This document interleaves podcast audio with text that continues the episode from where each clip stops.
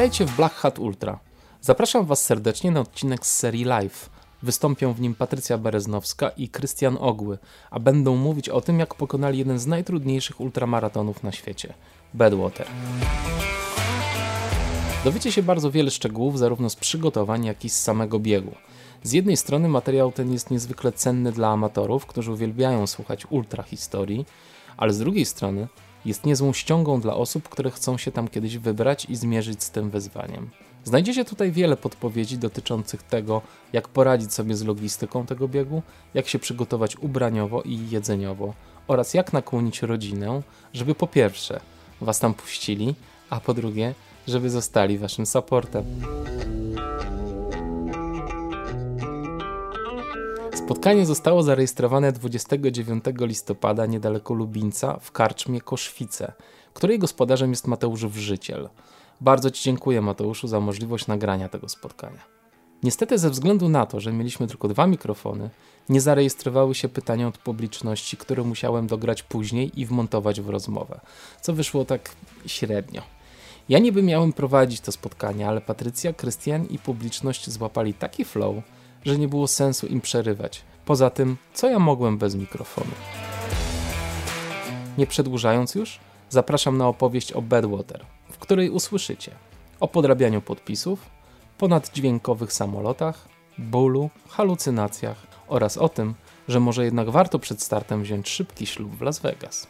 Zapraszam.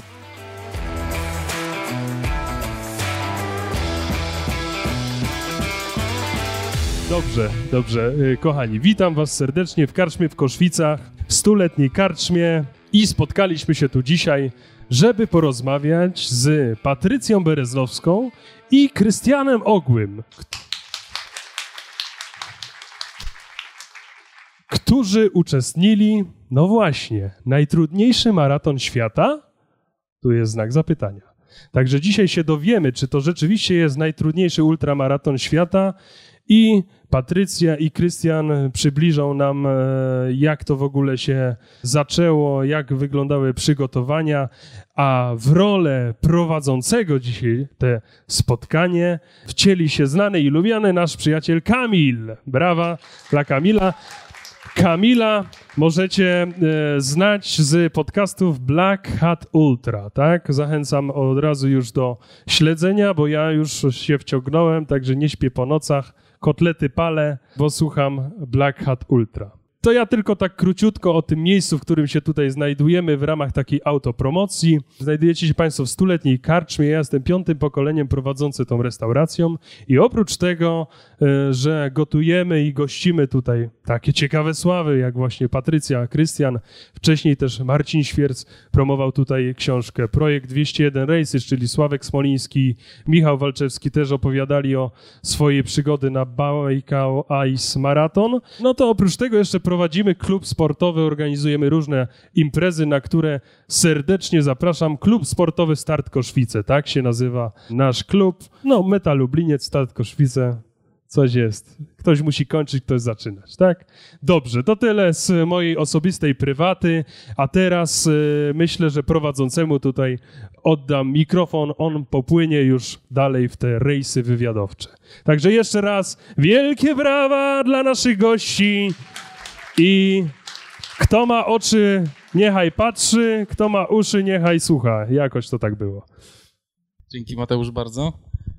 Ja nie będę dużo gadał, najważniejsi goście są tutaj. Pobiegli obłędną imprezę. Znaczy, y, ultramaraton Badwater to jest szczyt szczytów, jeśli chodzi o ultramaratony na świecie. I co jest najtrudniejsze w tym ultramaratonie, to jest oczywiście dystans 217 km, ale to są przede wszystkim temperatury, różnice tych temperatur, bo Państwo tutaj biegli od początku mieli 47 stopni, a skończyli na kilku stopniach przy y, portal Mount Whitney, więc y, niesamowicie trudny ultramaraton. Zarówno Patrycja, jak i Krystian ukończyli ten ultramaraton. Patrycja zdobyła najlepszy czas, jeśli chodzi o kobiety, w historii tego ultramaratonu, a Krystian zdobył najlepszy czas polski, jeśli chodzi o mężczyzn w historii tego ultramaratonu. Więc y, naprawdę odwalili kawał dobrej roboty.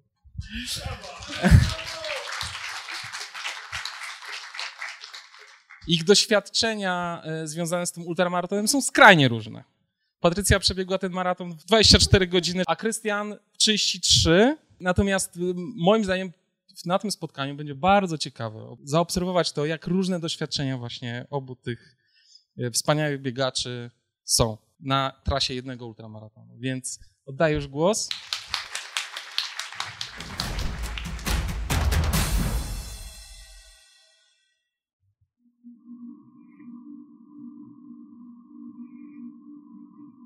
Zawsze w tym momencie zwracam uwagę, żebyście posłuchali oddechu tego zawodnika. Taki ciężki oddech. Ja miałem go jeszcze przez trzy dni po biegu. Bieg odbywa się zawsze w połowie lipca w Kalifornii, w Dolinie Śmierci, a dokładnie start jest przy jeziorze Badwater, w Parku Narodowym Dolina Śmierci. E, gdzieś mniej więcej po 90 mili wybiegamy z Parku Narodowego Dolina Śmierci i meta jest w, w takim miejscu, które się nazywa Mount Whitney Portal na około wysokości około 2,5 tysiąca metrów nad poziomem morza. Nieprzypadkowo termin jest dobierany na połowę lipca, dlatego że wtedy to jest e, czas, kiedy są najwyższe temperatury w Dolinie Śmierci i jeszcze dodatkowo termin jest tak dobierany, żeby przypadał pe podczas pełni księżyca. Prawdopodobnie wtedy też e, te temperatury są najwyższe. Dolina Jezioro Bedwater jest miejscem, gdzie stwierdzono jedną z najwyższych na świecie temperatur, nawet 56 e, stopni stwierdzano. Kiedy my byliśmy w tym roku, najwyższe temperatury, które zapamiętaliśmy, to 52 stopnie, więc wcale nie było tak najwyżej. Do 56 jeszcze czterech nam brakło, ale uwierzcie, było naprawdę ciepło. Limit czasowy na ukończenie biegu wynosi 48 godzin. Ten termin, powiem tak jeszcze, że zapewnia to, że my biegniemy w ruchu ulicznym. Nie jest to e, trasa przygotowana specjalnie dla biegaczy. E, I ten termin powoduje, że praktycznie nie ma tam poza biegaczami nikogo. Kilka samochodów e, podczas całego dnia, które nas minęły, głównie to były samochody rangerów pilnujących parkowych i organizatorów. Ale też miałem wrażenie, że ci turyści, którzy tam byli w tym czasie, to przyjechali specjalnie, bo kilka jednak było aut takich, z których robiono nam zdjęcia, e, a widać było, że to raczej są turyści, e, to miałem wrażenie, że oni przyjechali tam po to, żeby śledzić bieg, żeby zobaczyć, jak on wygląda. Tam pewnie normalnie ludzie. Nie, nie, normalnie ludzie tam się normalnie nie pojawiają. Ja trzy tygodnie przed startem miałam okazję pojechać tam, e, zrobić rekonesans trasy, podczas którego e, część, trzy odcinki trasy przebiegłam. E, I rzeczywiście w momencie, kiedy biegłam i wiadomo było, że to nie jest bieg, to każdy jeden samochód zwalniał i bardzo dokładnie wszyscy mi się przyglądali, e, że ktoś tam w ogóle biegnie. E, również też samochody właśnie rangerów pilnujących park również obserwowały mnie, natomiast widząc, że jakiś samochód gdzieś tam w niedalekiej odległości się porusza, rzeczywiście odpuszczali, odjeżdżali, natomiast podejrzewam, że gdyby myśleli, że jestem sama, to by w jakiś sposób reagowali. Tutaj na tym slajdzie mamy nagrodę, bo to też jest istotna informacja, coś, co na mnie zawsze robiło wrażenie. Czy się wygrywa bieg, czy przybiega na ostatnim miejscu, jedną, jedyną nagrodą jest tutaj klamra do pasa. Czy start w tych zawodach jest płatny? Start jest bardzo płatny. Znaczy ciekawostką moim zdaniem jest to, że płaci się jeszcze od opłaty, płaci się jeszcze opłatę. E, chcąc zapłacić, to było 1500 e, dolarów samej opłaty, e, trzeba je wpłacić na konkretne, prawda, konto przez konkretny tam system i trzeba jeszcze od tego zapłacić opłatę. Tak, dodatkowo jeszcze dochodzi opłata, to już nie pamiętam nawet w jakiej no, wysokości, no, za wstęp była... do parku narodowego. Tam trzeba A, sobie tak, wykupić dokładnie. na auto i, i cztery osoby. Natomiast wiadomo, no jak jest to naszą pasją, to to nie biegamy po to, żeby tam się odkuć i zdobyć nagrodę. Zresztą właśnie tak jak wspomniałem, na tym biegu nie ma nagród żadnych finansowych. Każdy jest sprawiedliwie traktowany, dostaje klamrę. No jedyny warunek, że trzeba ukończyć bieg. Tak, Western States e, chyba jako pierwszy bieg na świecie wprowadził klamry, natomiast e, Tom e, z Badwater okupiłem jednak znacznie większym cierpieniem.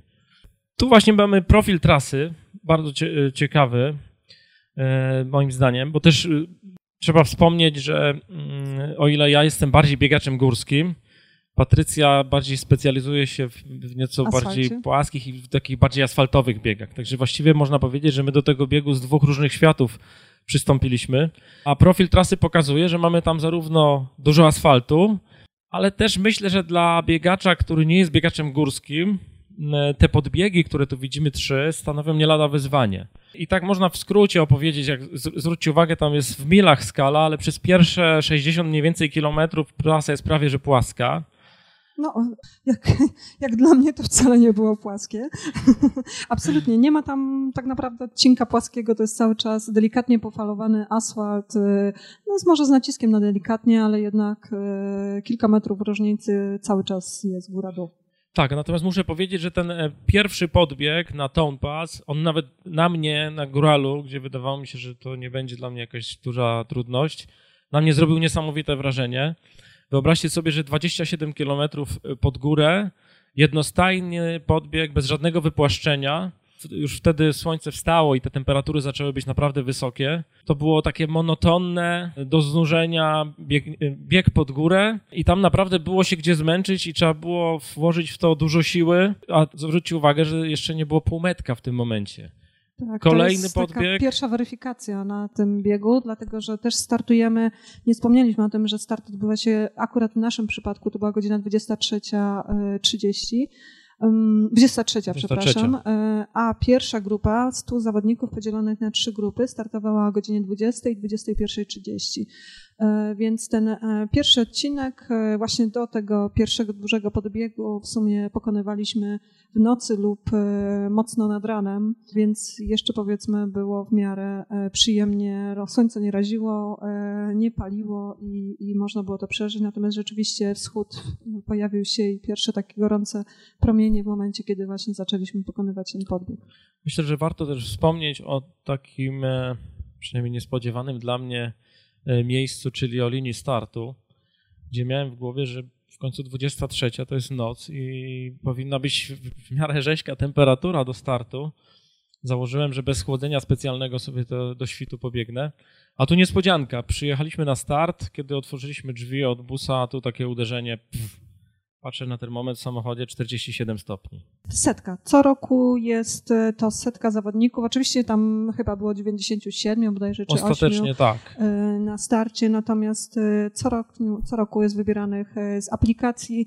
Organizator nigdy nie podaje, jak wiele osób aplikuje. Nie jest to losowanie, tylko komisja, która na podstawie własnej oceny, czy zawodnik jest w stanie ukończyć ten bieg, po prostu wybiera setkę. Ogłasza to na live przez internet, więc siedzieliśmy, podejrzewam, że obydwoje tej nocy z, z, trzymali, trzymaliśmy kciuki i trzeba po prostu po kolei wysłuchiwać nazwiska wyczytywane e, z tej setki zawodników.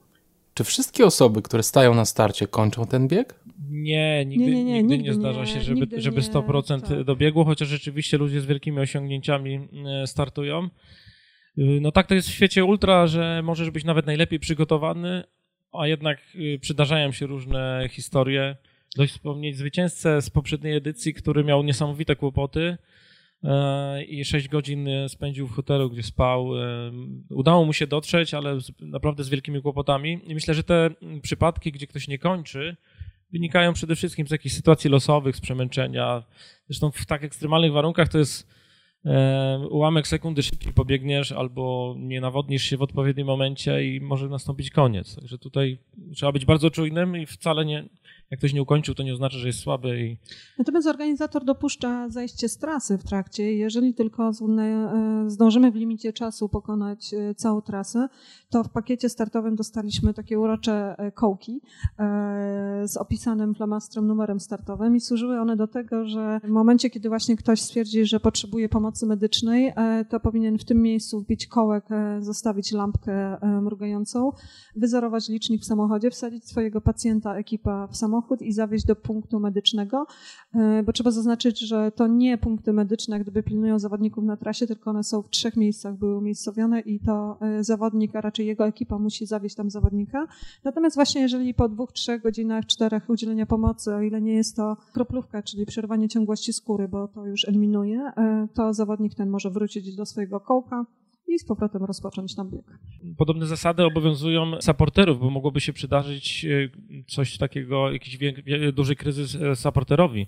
To też jest istotne i to właśnie ten kołek pozwala e, odwieźć supportera. Wtedy cały zespół musi jechać do punktu pomocy, poczekać aż tego tak, supportera uratują. nie może bez swojego supportu dalej biec. E, I cokolwiek się stanie z supportem czy z samochodem, to w tym momencie zawodnik jest eliminowany. Jeżeli, jeżeli cała ekipa nie jest w stanie ukończyć, znaczy może nie cała, bo jeden z supporterów może gdzieś tam po drodze zrezygnować, dajmy na to, i zostać w punkcie medycznym, ale musi być minimum dwie osoby plus sprawny samochód. Czy są na trasie punkty odżywcze? Nie ma żadnych bufetów. Każdy, każdy zawodnik musi posiadać swój samochód serwisowy z minimum dwiema osobami, maksymalnie czterema osobami, który podąża za zawodnikiem e, i zawodnik musi być cały czas w zasięgu wzroku. Do, dokończmy jeszcze ten, ten profil, e, bo e, skończyliśmy na przełęczy Town Pass.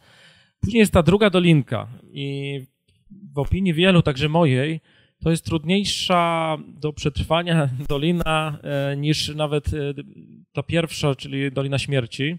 Ta druga na, nazywa się Panamint Valley, a to dlatego, że kiedy my tam dobiegaliśmy, właśnie były, naj, były te najcieplejsze godziny w ciągu dnia i tam jest mniejszy ruch trochę powietrza. Też na zdjęciach będziecie widzieć, to jest taki rejon, gdzie, się, gdzie jest tak pustynnie, jest taki pas y, piaszczysty w poprzek ja, ja przynajmniej tam trafiłem na najwyższe temperatury, takie, takie w dołku, w najniższym miejscu. E, no i tam smażyło rzeczywiście.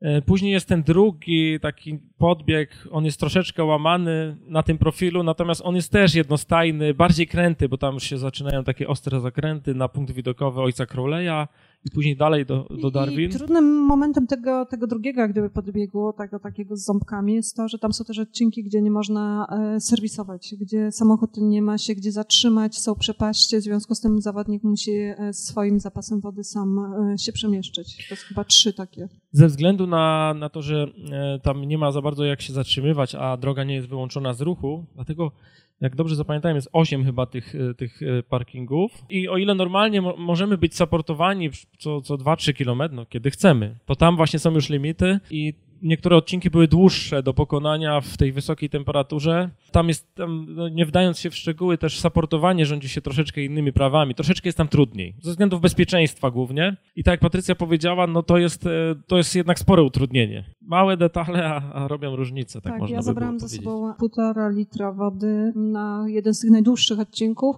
No i to wiązało się z dosyć stromą spinaczką. Ja naprawdę czułam te półtora kilograma więcej, e, że jednak właśnie muszę, muszę to dźwigać, plus, plus jak gdyby no muszę to wszystko przebiec sama.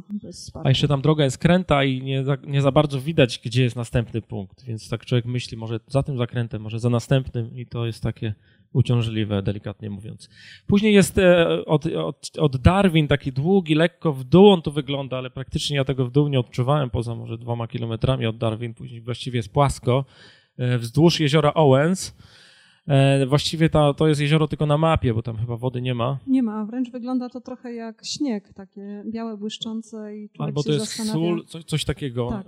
Natomiast na zdjęciach e, dawnych wygląda, że tam chyba była woda, bo, bo, bo jest e, jezioro rzeczywiście spore. Dla mnie to był najtrudniejszy odcinek ze względu na to, że już miałem takie głębokie halucynacje i tam wiele rzeczy widziałem wtedy. I później podpytacie, to może opowiem. No i na sam koniec, na tak zwaną wisiernkę na torcie, czyli na deser, widzimy z Lone Pine e, tą ścianę wspinaczkową na metę. No, jakikolwiek bieg, w którym brałem udział, kończy się w ten sposób, to już zapowiada kłopoty że będzie ciężko i tutaj rzeczywiście mając w nogach um, dokładnie 190, chyba 7 kilometrów, 21, bo to oni mówią półmaraton, hmm. e, idzie się do góry, większość idzie, czasami można, pierwsze chyba 4 kilometry są takie, że można potruchtać, później, jak dla mnie przynajmniej, to była, była męczarnia taka, że już ledwo się tam wdrapywałem. Też o różnych porach trzeba zaznaczyć, bo wchodziliśmy. Patrycja w nocy, ja w dzień, gdzie już słońce wstało i mnie tam też zaczęło smażyć. Na żywo wygląda nie tak ostro, jak się jednak idzie do góry, a jeszcze bardziej to czuć, jak się samochodem wjeżdża albo zjeżdża. To naprawdę czuć, że jest gruby, gruby ten podbieg. I meta na, jest zlokalizowana, tak jak już wspomnieliśmy, na 2,5 tysiąca, 2530 dokładnie metrów nad poziomem morza. Więc to jest taka wysokość, gdzie też nie powinna mi sprawiać kłopotów. Jako górala jestem przyzwyczajony, tak często gdzieś pod 3000 podbiegam. A tutaj ja powyżej 2000 już miałem mocne zawroty głowy, myślałem, że zemdleję. Właśnie nie wiem, jak ty, Patrycja, tam odczuwałaś tą e, wysokość. Oddychałam i miałam wrażenie, że nie oddycham. No ale niestety to jest kumulacja wysiłku z całej trasy. To nie jest tak, że sobie idziemy w górę i nagle czujemy brak tlenu. Tak właśnie, no teraz możemy przejść dalej. E, start jest e, zaznaczony. Pierwsza dolina, taka powiedzmy z południowego wschodu na północny zachód to jest właśnie Dolina Śmierci. Tam w dzień, jak, jak się trenuje, to są temperatury w tym lipcu rzeczywiście powyżej 50 stopni i tam jest piekło. Tego nie wiem, inaczej nie można nazwać. Jeszcze jak, jak to widzicie jest dolina, więc często jest ruch powietrza, dosyć silne wiatry tam, tam wieją. Jak się dostanie takim e, wiatrem w twarz, przede wszystkim właśnie jak w twarz wieje, to czuć, jakby człowiek do piekarnika wchodzi albo do tak, jakiegoś pieca hutniczego. Z termowentylatorem wszystkie kobiety wiedzą, jak otwiera się piekarnik z termowentylatorem i uderza takie gorąco, to, to jest dokładnie identyczne odczucie. E, tutaj jest ta jedna dolina, druga dolina na środku e, to jest ta Panamin Valley. E, końcówkę e, takie lekko zielone to jest właśnie to wielkie jezioro Owens i Finish, ale to jest zdjęcie, wybrałem satelitarne, żebyście widzieli, że tam jest oprócz tego, że jest gorąco, jeszcze prawie, że pustynnie. Tu jest postać, o której chciałbym e, dwa słowa powiedzieć. Al Arnold, e, gość, który jako pierwszy skończył, e, pokonał trasę Bedwater. Ona oczywiście przez lata różnie się kształtowała. W naszych kwestionariuszach mieliśmy pytanie o bohatera, bo tam są różne osoby, jest tak zwana, jak można powiedzieć, grupa mm, All Fame, czy jakoś tak to się nazywa, takich sław biegu. E, no ja nie znałem, szczerze mówiąc, tych ludzi, więc pierwsze, zawsze mnie interesuje, kto, od kogo się zaczęła ta historia, więc przyswoiłem sobie trochę postać Ala Arnolda. On podczas trzeciej próby właściwie, której, której się podjął, pokonał trasę, a idea była taka mm, tego biegu u, u Zalążka, żeby pokonać najniżej położony punkt, w Stanach Zjednoczonych i najwyżej położony, ale w tych takich kontynentalnych ciągłych, bo wiadomo, McKinley jest e, jest najwyższą górą w Stanach i znaleziono, że te punkty leżą stosunkowo blisko od siebie e, w linii prostej. E, natomiast Al Arnold e, pokonywał trasę, troszeczkę jeszcze tam miał utrudnienia. Na Crowleyu był, był remont, więc on trochę musiał naokoło biec. No i udało mu się to w 77 roku dopiero. 15 lutego tego roku dostaliśmy obydwoje takiego maila przyjemnego, chociaż już wiedzieliśmy, że zostaliśmy wybrani. Z tej transmisji, o której Patrycja mówiła na live, e, były wymieniane wszystkie osoby wybrane do biegu wraz z ich osiągnięciami. To rzeczywiście długo trwało. O ile e, ty, Patrycja, mówisz, że wyczekiwałaś, miałaś bardzo głośno nastawione, u mnie historia trochę inaczej wyglądała, bo ja ukrywałem przed żoną to, że tam w ogóle się zapisałem i szczerze mówiąc nie liczyłem, że to będzie w tym roku i, i, i nie pochwaliłem się specjalnie. A mieliśmy gości w domu, może dzięki temu, że byli u nas ludzie inni, to ta awantura była troszkę mniejsza, jak już mnie wyczytali. No ale stres był potężny, bo ja sam byłem z, zaskoczony, że, że mnie wyczytano. To znaczy ja byłam zaskoczona, bo, bo generalnie do takich rzeczy podchodzę spokojnie, natomiast e, autentycznie pierwszy raz, jak e, zdałam sobie sprawę właśnie, że pobiegnę, to, to poczułam bicie swojego serca i to naprawdę było dziwne ten mail e, wcale u mnie nie potwierdził udziału w biegu, ponieważ jeszcze jakiś, nie pamiętam czy to był tydzień, tydzień albo dwa, e, mieliśmy, jak to się mówi, spór domowy. E, na początku, było, na początku było nigdzie nie jedziesz, oczywiście, bo bez mojej zgody i tak dalej, no ale wiecie, finalnie siedzę tutaj, więc wystartowałem. Wracając do tych wysokich temperatur, bo tam następne już następne slajdy tego, do tego się odnoszą, to już wspomnieliśmy o tym efekcie piekarnika. Jeszcze chciałem wrócić do pierwszego mojego kontaktu z Doliną Śmierci. Ty, Patrycja, byłaś chwilę wcześniej, to też może powiesz. E, to znaczy, ja kilka lat wcześniej byłam tam e, i zapamiętałam to miejsce bardzo miło, ponieważ był to grudzień. Także piękne widoki, rzeczywiście temperatura dwadzieścia kilka stopni, naprawdę idealne do zwiedzania. Natomiast rzeczywiście ja zdecydowałam się wylecieć e, trochę wcześniej i e, miałam takie szczęście, że skontaktowałam się z Polakiem Peterem Podbielskim, e, mieszkającym od 30 lat w Stanach Zjednoczonych i był to na tyle, jest to na tyle szalony człowiek, że znając mnie tylko z kilku rozmów telefonicznych, zaprosił mnie i moją ekipę do siebie na miesiąc.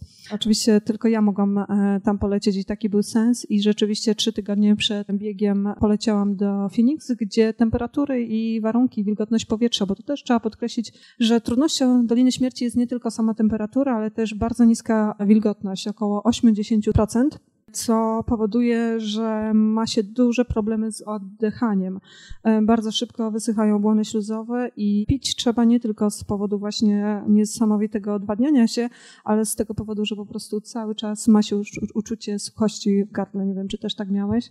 y, nie tylko w gardę, ale też w nosie. Ja bałem się tego efektu, który miałem e, na pustyni rok wcześniej, jak biegłem, e, że miałem krwotoki co chwilę, bo nie zabezpieczyłem się, więc tutaj często smarowałem sobie nie, ja nie miałam takiego problemu absolutnie i nawet takiego uczucia nie miałam. Natomiast już trenując właśnie te trzy tygodnie wcześniej Phoenix, temperatury, jakie sprawdzałam, były dosłownie jeden stopień różnicy. Albo było niżej, albo nawet e, wyższa temperatura niż dokładnie w tym samym momencie Phoenix, także warunki miałam naprawdę idealne. I, I przekonałam się, że tak jak normalnie u nas w Polsce potrafię na półtora godziny do dwóch godzin bieganie wyjść bez picia, to tutaj mniej więcej po pierwszych 800 metrach e, przebiegnięcia musiałam już pierwszy łyk e, wody. Jak wiedziałam, że kończy mi się woda, to wiedziałam, że jestem w stanie maksymalnie dwa kilometry e, przetruchtać. Czyli wychodząc z wody po prostu długość treningu zależała od tego, na ile wystarczy mi wody i gdzie będę mogła tą wodę sobie po drodze uzupełnić. Ja wspomnę o moim pierwszym kontakcie z Doliną Śmierci, to też trochę nawiązuje do tego treningu z wodą. To był mój pierwszy trening, e, żeby sprawdzić, jak tam trzeba się nawadniać. Pierwsza, do Stowpipe pojechałem z kolegą i tam wysiadłem z auta. Pierwszy raz zderzyłem się z tym piekarnikiem. W tej oazie są takie barierki wzdłuż hotelu, więc pierwsze co podszedłem do tej barierki i tak myślę, ja pierniczy, co ty robisz, chłopie? E, no ale gdzieś tak z 15 minut czekałem, zebrałem się na trening e, i wymyślałem sobie, no, że wezmę dwie butelki wody, takie półlitrowe i jak mi się skończy jedna, zrobię półmetek i wrócę. No i tak z tą półlitrową butelką wody przebiegłem 7 kilometrów. Myślę, o, to, to trzeba to, wracać. E, w międzyczasie ta druga butelka już mi się nagrzała do tego stopnia, że musiałem ją z ręki do ręki przerzucać. Niestety nie starczyła mi na 7 kilometrów, tylko po dwóch już byłem totalnie wyschnięty. I jeszcze można powiedzieć, że myślałem, że te pięć jakoś doczłapię. Po trzech już mnie kolega zebrał z drogi, bo nie wiedziałem, jak się nazywam. Tak szybko mm, ta temperatura działa na organizm, że nawet nie zdajemy sobie sprawy, widząc przecież z drogi ten punkt stop Pipe Wells, wydawałoby się, że zaraz tam dobiegnę, ale niestety ścięcie było. I dobrze, że poszedłem na ten trening, bo też um, trzeba sobie, sobie uświadamiać, czym to pachnie. Ja miałam dobrze, bo właśnie miałam trzy tygodnie na oświadomienie sobie tak naprawdę, jak to wygląda. I też jeden z moich długich treningów e, w takich, powiedzmy, górkach, nie górach, ale w okolicy Phoenix wyglądał właśnie tak, że jakieś niecałe trzy kilometry e, do samochodu już skończyła mi się woda i ja naprawdę w panice, w panice tam biegłam. E, no oczywiście dobiegłam, ale, ale dorwałam się po prostu do wody i no to było przerażające. Zresztą właśnie kiedy e, zaraz po wylądowaniu w Phoenix, e, trzy dni później polecieliśmy z moim gospodarzem Peterem na rekonesans trasy, I tak jak mówisz, że tak samo otworzyłam drzwi i zdarzyłam się z tą niesamowitą e, falą gorącego powietrza. Akurat trafiłam na bardzo wieczny dzień, więc to jeszcze bardzo potęgowało to odczucie ciepła. E, wtedy z krótką falówką Piotr miał jechać samochodem, ja miałam sama po prostu przebiec jakiś odcinek i szczerze mówiąc, że w momencie, kiedy on mi znikł z pola widzenia, to autentycznie się bałam. Mm, naprawdę nie należy do strachliwych osób, ale zostanie tam na ulicy, mając świadomość, że inne samochody niby tam jeżdżą, e, właśnie się przyglądają ze zdziwieniem, to jednak e, oczywiście też miałam wodę ze sobą, to jednak naprawdę, naprawdę strach. Co więcej, wjeżdżając do parku są tablice, które ostrzegają, że absolutnie nie wolno opuszczać na własną rękę samochodu, jeżeli cokolwiek się stanie, to należy zostać w samochodzie. Ile należy mieć ze sobą zapasu wody, ile należy mieć zapasu benzyny, a mimo to corocznie e, giną tam cały czas turyści. Corocznie ktoś Nawet chyba w tym roku, po, tydzień po naszym biegu, y, czytałem o przypadku, że turystka zmarła na skutek upałów. Tak. Ale ciekawostką jest to, że podczas e, biegu e, nie było jeszcze żadnego wypadku śmiertelnego wśród biegaczy, mimo że wszyscy uważają, że to jest naprawdę bardzo niebezpieczny bieg. Natomiast myślę, że wynika to z tego, że raz, że jednak serwis e, cały czas jest gdzieś tam w zasięgu wzroku, dwa, jednak ta selekcja organizator rzeczywiście odrabia pracę domową i wybiera dosyć e, ostro jak gdyby zawodników i, i wybiera jednak tą setkę, która jest w stanie to ukończyć. Ale też bardzo ważne i tutaj myślę, że w końcu dochodzimy do twojego pytania, Kamil. bardzo ważne, kluczowe w tym wszystkim są przygotowania. To podobny jest proces moim, tak według mnie, do tego, który przechodzą Himalaiści, jadąc gdzieś w góry, gdzie muszą się aklimatyzować. Przynajmniej tacy jeszcze może mniej doświadczeni, że trzeba, że oni tam wchodzą wyżej, później schodzą. E, ja przyjąłem podobny proces w saunie, bo tu sauna jest słowem kluczem. Troszeczkę inaczej u nas to się odbywało. E, Patrycja bardziej aktywnie. Ja skorzystałem z takiego planu mm, w związku z tym, że tak, po pierwsze nie miałem aż tylu, tyle dni urlopu, żeby sobie pojechać wcześniej. I tak byłem tam chyba 9 dni wcześniej dokładnie. bo wyczytałem gdzieś, że nawet Amerykanie, oni lubią wszystko badać. Jest ujęte w statystykach, że niemal 100% szans na ukończenie mają ci, którzy są co najmniej 7 dni wcześniej, że ten okres 7 dni pobytu tam na miejscu w tych warunkach daje no nie gwarancję, ale dużą szansę ukończenia. Natomiast e, skorzystałem z takiego planu mm, adaptacyjnego, który polegał na tym, że przed wyjazdem przez miesiąc e, chodziłem do sauny na, no mniej więcej to były godzinne sesje, ale e, już w samej nagrzanej saunie stopniowo wydłużałem czas i zwiększałem temperaturę pobytu. Oczywiście te pierwsze zwiększenia zakresów nie były tak bardzo odczuwalne, natomiast później dodając po 3-4 stopnie, chodziłem sam, więc mogłem ustawić taką temperaturę, jaką sobie zażyczyłem, powodowały, że czasami dwie minuty dłużej wytrzymać, albo wytrzymać e, w wyższej temperaturze ten sam zakres. Było w ciągu tego miesiąca, chyba miałem trzy takie sytuacje, że uciekłem z tej sauny. Po prostu ciśnienie podnosi się na tyle, że człowiek myśli, że zaraz eksploduje. Natomiast to są takie kluczowe elementy przygotowań, jak wspomniałem, podobnie jak himalaiści, że my uczymy się, ja to też z naukowego punktu widzenia e, miałem gdzieś tam z tyłu background poprzez rozmowy z profesorem, z moim kolegą z AWF-u. Przygotowywaliśmy nasz ośrodek termoregulacji do, do tego, żeby znaleźć się i poradzić sobie w tych wysokich temperaturach. E, I to myślę, że bardzo mocno zaprocentowało na miejscu. Tak, zgadzam się. Natomiast ja wyczytałam, że już w grudniu, mając nadzieję, że na tej liście się znajdę, zaczęłam chodzić e, po prostu do sauny na zwykłe takie standardowe sesje. Natomiast dosyć szybko zamieniłam to na e, sesje aktywne, bo wyczytałam, że właśnie samo przebywanie w saunie jednak nie daje tak dobrej adaptacji jak aktywność. E, co można robić w saunie? No, bieżnie raczej się nie da wstawić. W związku z tym truchtałam w miejscu lub wykorzystywałam taki drewniany stopień i wchodziłam tam i z powrotem e, góra-dół. E, też miałam takie szczęście, że mogłam ustawiać temperaturę sauny, więc ja postawiłam na aktywność, a na niższą temperaturę, więc e, tak jak sesje takie zwykłe siedzone to były rzeczywiście tam około 100-110 stopni, to kiedy już truchtałam lub chodziłam na stopień, to ustawiałam 50-60 stopni, raczej 60 i, i w tej temperaturze walczyłam. Najczęściej robiłam w ten sposób, że biegałam na bieżni w tej siłowni i od razu przenosiłam się na przykład po godzinie do trzech maksymalnie. E, przenosiłam się od razu do sauny i najdłuższa sesja to była ponad godzinę, czy już nie pamiętam dokładnie, ale takiego mm, truchtu. Oczywiście zaczynałam od kilkunastu minut, a potem już wydłużałam stopniowo.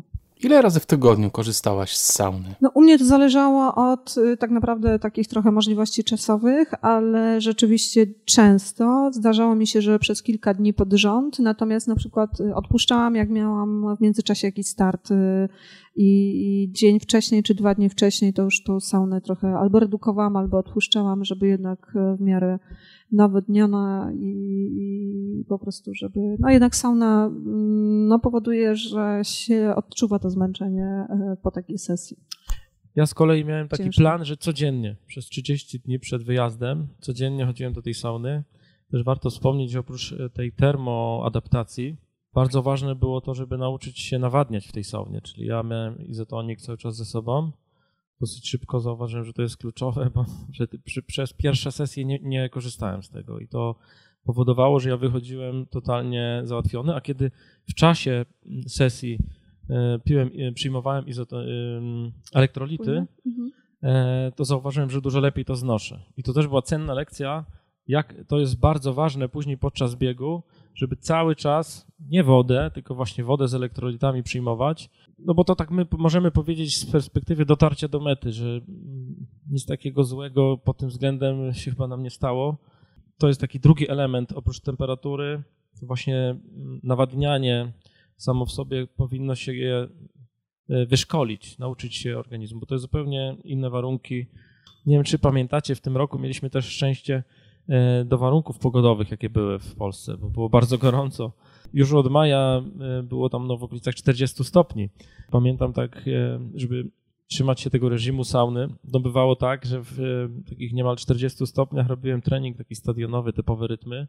Po tych szybkich przebieżkach miałem już dosyć, a wiedziałem, że mam saunę zamówioną i praktycznie 15 minut po tym wchodziłem do sauny, no to wtedy było już grubo. Ale potem wychodziłeś na stadion i mówiłeś, a chłodno.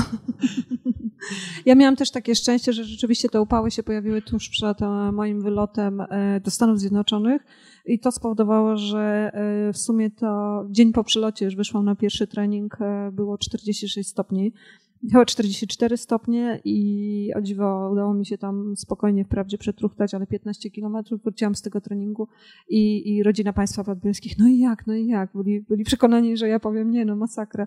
Nie, nie wiem, jakoś wcale nie jest tak gorąco. Dokładnie, u nas były wtedy 40, no około 40 stopni były temperatury, więc, więc no tak mieliśmy szczęście.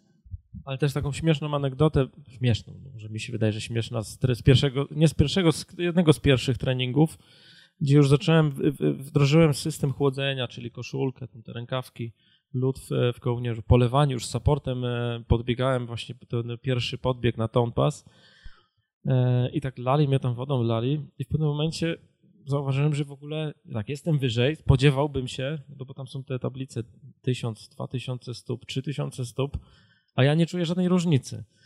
I pytam się kolegi, Michał, spadła temperatura? Mówi, spadła, spadła. Jak spadła? Z 46 na 44.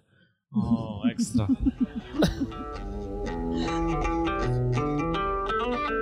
Ja dosyć e, zaskakujący sposób pokonałam generalnie ten e, ultramaraton dla, szczególnie dla Amerykanów, dlatego że biegłam sama, bez e, pacemakera. Mm, wynikało to z tego, że po prostu nikt z mojej ekipy nie byłby w stanie po prostu ze mną, ze mną biec. Natomiast e, nie chciałam zmieniać ekipy. To są osoby, które towarzyszą mi od wielu lat e, i nazywam je moimi dziewczynami, chociaż był tam właśnie jeszcze Piotr Podbielski. Natomiast stwierdziłam, że jednak wolę mieć ze sobą osoby, które mnie znają i wiem, że naprawdę sprawdzą się w tych warunkach, niż kogoś, kto właśnie będzie ze mną biegł i mnie pole, polewał. E, natomiast potem każdy zawodnik może mieć e, pacemakera, czyli osobę, która biegnie za lub obok e, i może go polewać, po prostu nieść za niego wodę, dostarczać wodę. Natomiast u mnie jeszcze był takie, też może nie anegdota, ale każdy z zawodników jednym z najważniejszych takich rzeczy, które zabiera ze sobą, to jest spryskiwacz. I tak jak chyba wszystko, cały sprzęt zawsze mam podwójny, na zasadzie, że jak coś się zepsuje, nie wiem, cztery pary butów, trzy pary spodenek, i tak dalej. Tak jakoś nie wiem, jak to się stało, ale wzięliśmy jeden e, spryskiwacz taki ciśnieniowy i dziewczyny przed startem jeszcze chciały sprawdzić go i wybuchł im w rękach. Okazało się, że po prostu niższe ciśnienie w depresji, gdzie jest start, spowodował, że ten spryskiwacz nie wytrzymał. No i zostaliśmy bez spryskiwacza. I także byłam chyba jedną, jedyną osobą na tym biegu, która nie miała spryskiwacza i nie miała e, osoby, e, która by po prostu biegła i polewała. Także, także polewanie odbywało się przy pomocy po prostu takiej butelki z dzióbkiem, trochę jak na Wielkanoc u nas. Natomiast y, na zdjęciach widać, że podejrzewam, że jesteśmy ubrani cieplej, to znaczy robi to wrażenie, że jesteśmy zasłonięci niż ktokolwiek by się spodziewał, że w tych temperaturach. Natomiast rzeczywiście ja już na treningach y, właśnie Phoenix y, przeeksperymentowałam, sprawdziłam, że jednak polane rękawki dają dużo więcej ochłody niż po prostu polewanie gołego ciała i ta ochrona przed słońcem jest niezwykle ważna. Plus e, ręcznik e, na karku, e, taki specjalny chłodzący z kostkami lodu, które stopniowo się topią i, i gdzieś tam można trochę wycisnąć z tego wody i to dawało ochłodę. Oczywiście ochrona karku, głowy, mm, i że tak powiem, wszystko, wszystko co, co miałam na sobie, no, miało jak najszybciej odprowadzać wodę. Rzeczywiście to parowanie odczuwało się może nie dawało efektu chłodzenia, ale człowiek się tak nie gotował, prawda? Też mieliśmy trochę inne systemy chłodzenia, warto wspomnieć. Ja troszeczkę przez przypadek w maju, czy tam na jakimś treningu z Marcinem się świecą, mówiłem, rzadko mamy okazję, i on świeżo był po powrocie z Meksyku. A tam Kolumbia go wyposażyła właśnie w tą koszulkę, którą ja używałem na Bedwater i mówi, słuchaj, tam też biegłem w wysokich temperaturach, świetnie mi się sprawdziło, też taka nowość może byś przetestował. I, I, dał mi na testy, właśnie na szczęście były te wysokie temperatury w Polsce na początku czerwca, pod koniec maja. I zobaczyłem różnicę pomiędzy normalnym materiałem, a tym, który tam jest zastosowany, e, polegającą na tym, że nawet nie, w Polsce to nie trzeba było się polewać, bo jak tylko się zaczynałem pocić, od razu czuć było to tak, jakby coś z mentolem e, wziąć do ust. Takie wrażenie chłodu. Oczywiście to nie jest e, materiał, który cię chłodzi na tyle, że sobie możesz tam, nie wiem, spaść, iść, bo wiadomo, od, odczuwa się te trudy, ale komfort daje. Tam już na miejscu testowałem też taką koszulkę, którą myślałem, że właśnie cienki materiał, żeby, ale biały, żeby odbijał. Mm, natomiast właśnie cienkie materiały za szybko troszeczkę wysychają. Ze względu na tą niską wilgotność powietrza i wysoką temperaturę, to jest moment i one nie nadążają e, przyjmować potu. Ten pot szybciej ucieka, e, natomiast troszeczkę grubszy materiał powoduje, że wilgoć zostaje e, i, to daje komfort i chłodzi rzeczywiście. Oczywiście rękawki i getry, większość zawodników miało getry. Ja miałem z kolei taką czapkę do której znajomi z Sobótki, taka firma przyje odzież sportową, doszyli mi rodzaj takiej kieszeni z otworem, zaciąganą takim sznurkiem, automatem i tam cały czas wrzucaliśmy lód. Plus e, na szyję miałem dwie takie chusty, ale w sumie w praniu okazało się, że jedna jest bardziej praktyczna, taka, taka trójkątna, uszyta z lekkim takim otworem, żeby ten lód nie uciekał po to, żeby na karku mieć cały czas zapas lodu. Ja już nie pamiętam, tu jest też Anita, może powiesz, y, ile tego lodu nam zeszło, ale sporo. Natomiast cały czas dokładaliśmy tego lodu, nie? Przede wszystkim czapka i kark. To było, to było bardzo ważne. Ja też to nauczyłem się tego systemu z Western States, bo tam też było tak, może nie, nie aż 50, ale było bardzo gorąco. Tam z kolei lód był na każdym punkcie, więc można było sobie dosypywać. I to zdaje. Każdy musi sobie sam e, zorganizować lód. Zdaje e. egzamin. No ty miałeś ten ręcznik, e, ale też miałaś koszulkę, też nie najcieńszą. Nie, nie, nie. Koszulka, że tak powiem, też była taka tkana brubeka, natomiast biała i rzeczywiście mm, przyjmowała. Znaczy, trudno mi powiedzieć o pocie, bo to jest y, jeden z biegów, na którym ja mówię, że ja tak naprawdę nie poczułam kropli potu, y, ponieważ no, to, co mówiliśmy, że temperatura, znaczy wilgotność tam jest tak niska, że praktycznie e, pot praktycznie od razu wyparowuje, czyli absolutnie nie ma czegoś takiego, że gdzieś tam się czuje po czole e, spływający pot. Po prostu tylko tyle, ile człowiek się poleje, natomiast wszystko momentalnie wyparowuje. Ale też tu jest ciekawy aspekt, jeśli chodzi o lód, bo mm, Patrycja była wcześniej, też mi tą informację przekazałaś, żeby nie za bardzo liczyć na te punkty, tam są trzy tak zwane oazy po drodze, gdzie są sklepy, no jakaś cywilizacja powiedzmy, stoi jeden albo dwa budynki i to wszystko w jednym miejscu mamy sklep, y, szpital, stację benzynową, hotel i, i, i to jest wszystko bardzo małe. Może poza Farnans Creek, bo to jest takie turystyczne miejsce, gdzie jest nawet chyba tam pole golfowe. Natomiast e, można by było się nastawić, że sobie będziemy uzupełniać i dokupować, bo tam wszędzie są automaty. Nawet organizator y, nas już na odprawie uczulił na to, żeby y, jednak przygotować się tak, jakby nie było w ogóle możliwości do kupienia, bo zdarzały się lata, że na przykład prądu nie było, a jak prądu nie ma, oni nie mogą skasować, e, nie działają komputery, nie działają kasy, więc nie mogą sprzedać tego lodu. Albo może być tak, że przez dłuższy czas nie ma prądu i agregaty nie utrzymają tego lodu. Więc no, trzeba mieć z tyłu głowy, żeby się zabezpieczać maksymalnie, i jak tylko się da, to nawet do pełna e, dopakować tego lodu. Myśmy tak byli przezorni, że chyba do, w Longpine jeszcze dopakowaliśmy i dużo zostawiliśmy organizatorowi tak, wody. Połowa lodu, połowa lodu gdzieś tam została niestety wyrzucona, ale, ale zdecydowanie lepiej w tą stronę niż... Niż, niż brać za mało, tak. Ani, ani wody, ani, ani lodu to są dwa takie kluczowe elementy. Nie, nie ma co ryzykować, żeby wziąć za mało albo na styk, bo wiadomo, mogłoby się też przydarzyć jakaś kontuzja czy dłuższy postój.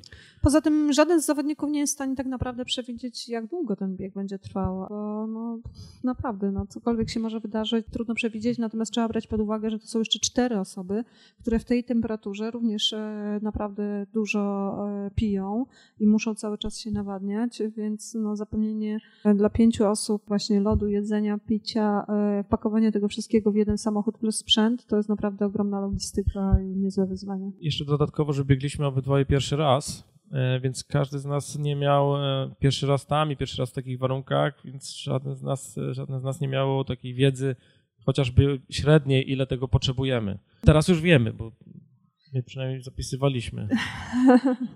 Ja powiedziałam, że nie. Nie, nie. Ja nic nie powiedziałem. Jaki macie czas w maratonie? Ja mogę powiedzieć, że jedyny, wyrwę się trochę, jedyny maraton, który przebiegłem, to taki półoficjalny był, to był jeden z etapów biegu E, maraton piasków przez Saharę i w życiu nie biegłem maratonu asfaltowego. Ja na początku mówiłem, że jestem troszeczkę z innej bajki, jeśli chodzi o bieganie. Mi się zdarza biegać e, maraton asfaltowy, natomiast za każdym razem jest to treningowy i e, kompletnie, kompletnie, że tak powiem, gdzieś tam robiony w treningu i moja życiówka to jest 3 godziny 04 e, minuty, półmaratonu godzina 24. Natomiast nigdy nie przygotowywałam się do żadnego z tych biegów pod kątem jak gdyby tego biegu, tylko... Warto wspomnieć, że biegi ultra to jest troszeczkę inna bajka. Myślę, że to tak jakby podróżnywać 100-metrowca z maratonczykiem. Czy nikt nie pyta Usaina Bolta, jaki ma czas na maraton. No. Tak, że to nie ma żadnej matematyki w tym. E, to jest sport wytrzymałościowy bardziej, a nie szybkościowy. Oczywiście, tak jak Patrycja, chcąc osiągać dobre wyniki, no to gdzieś tam finalnie ten czas się liczy na mecie, ale jak już miałbym mówić za siebie, to dla mnie istotniejsza o wiele bardziej jest wytrzymałość.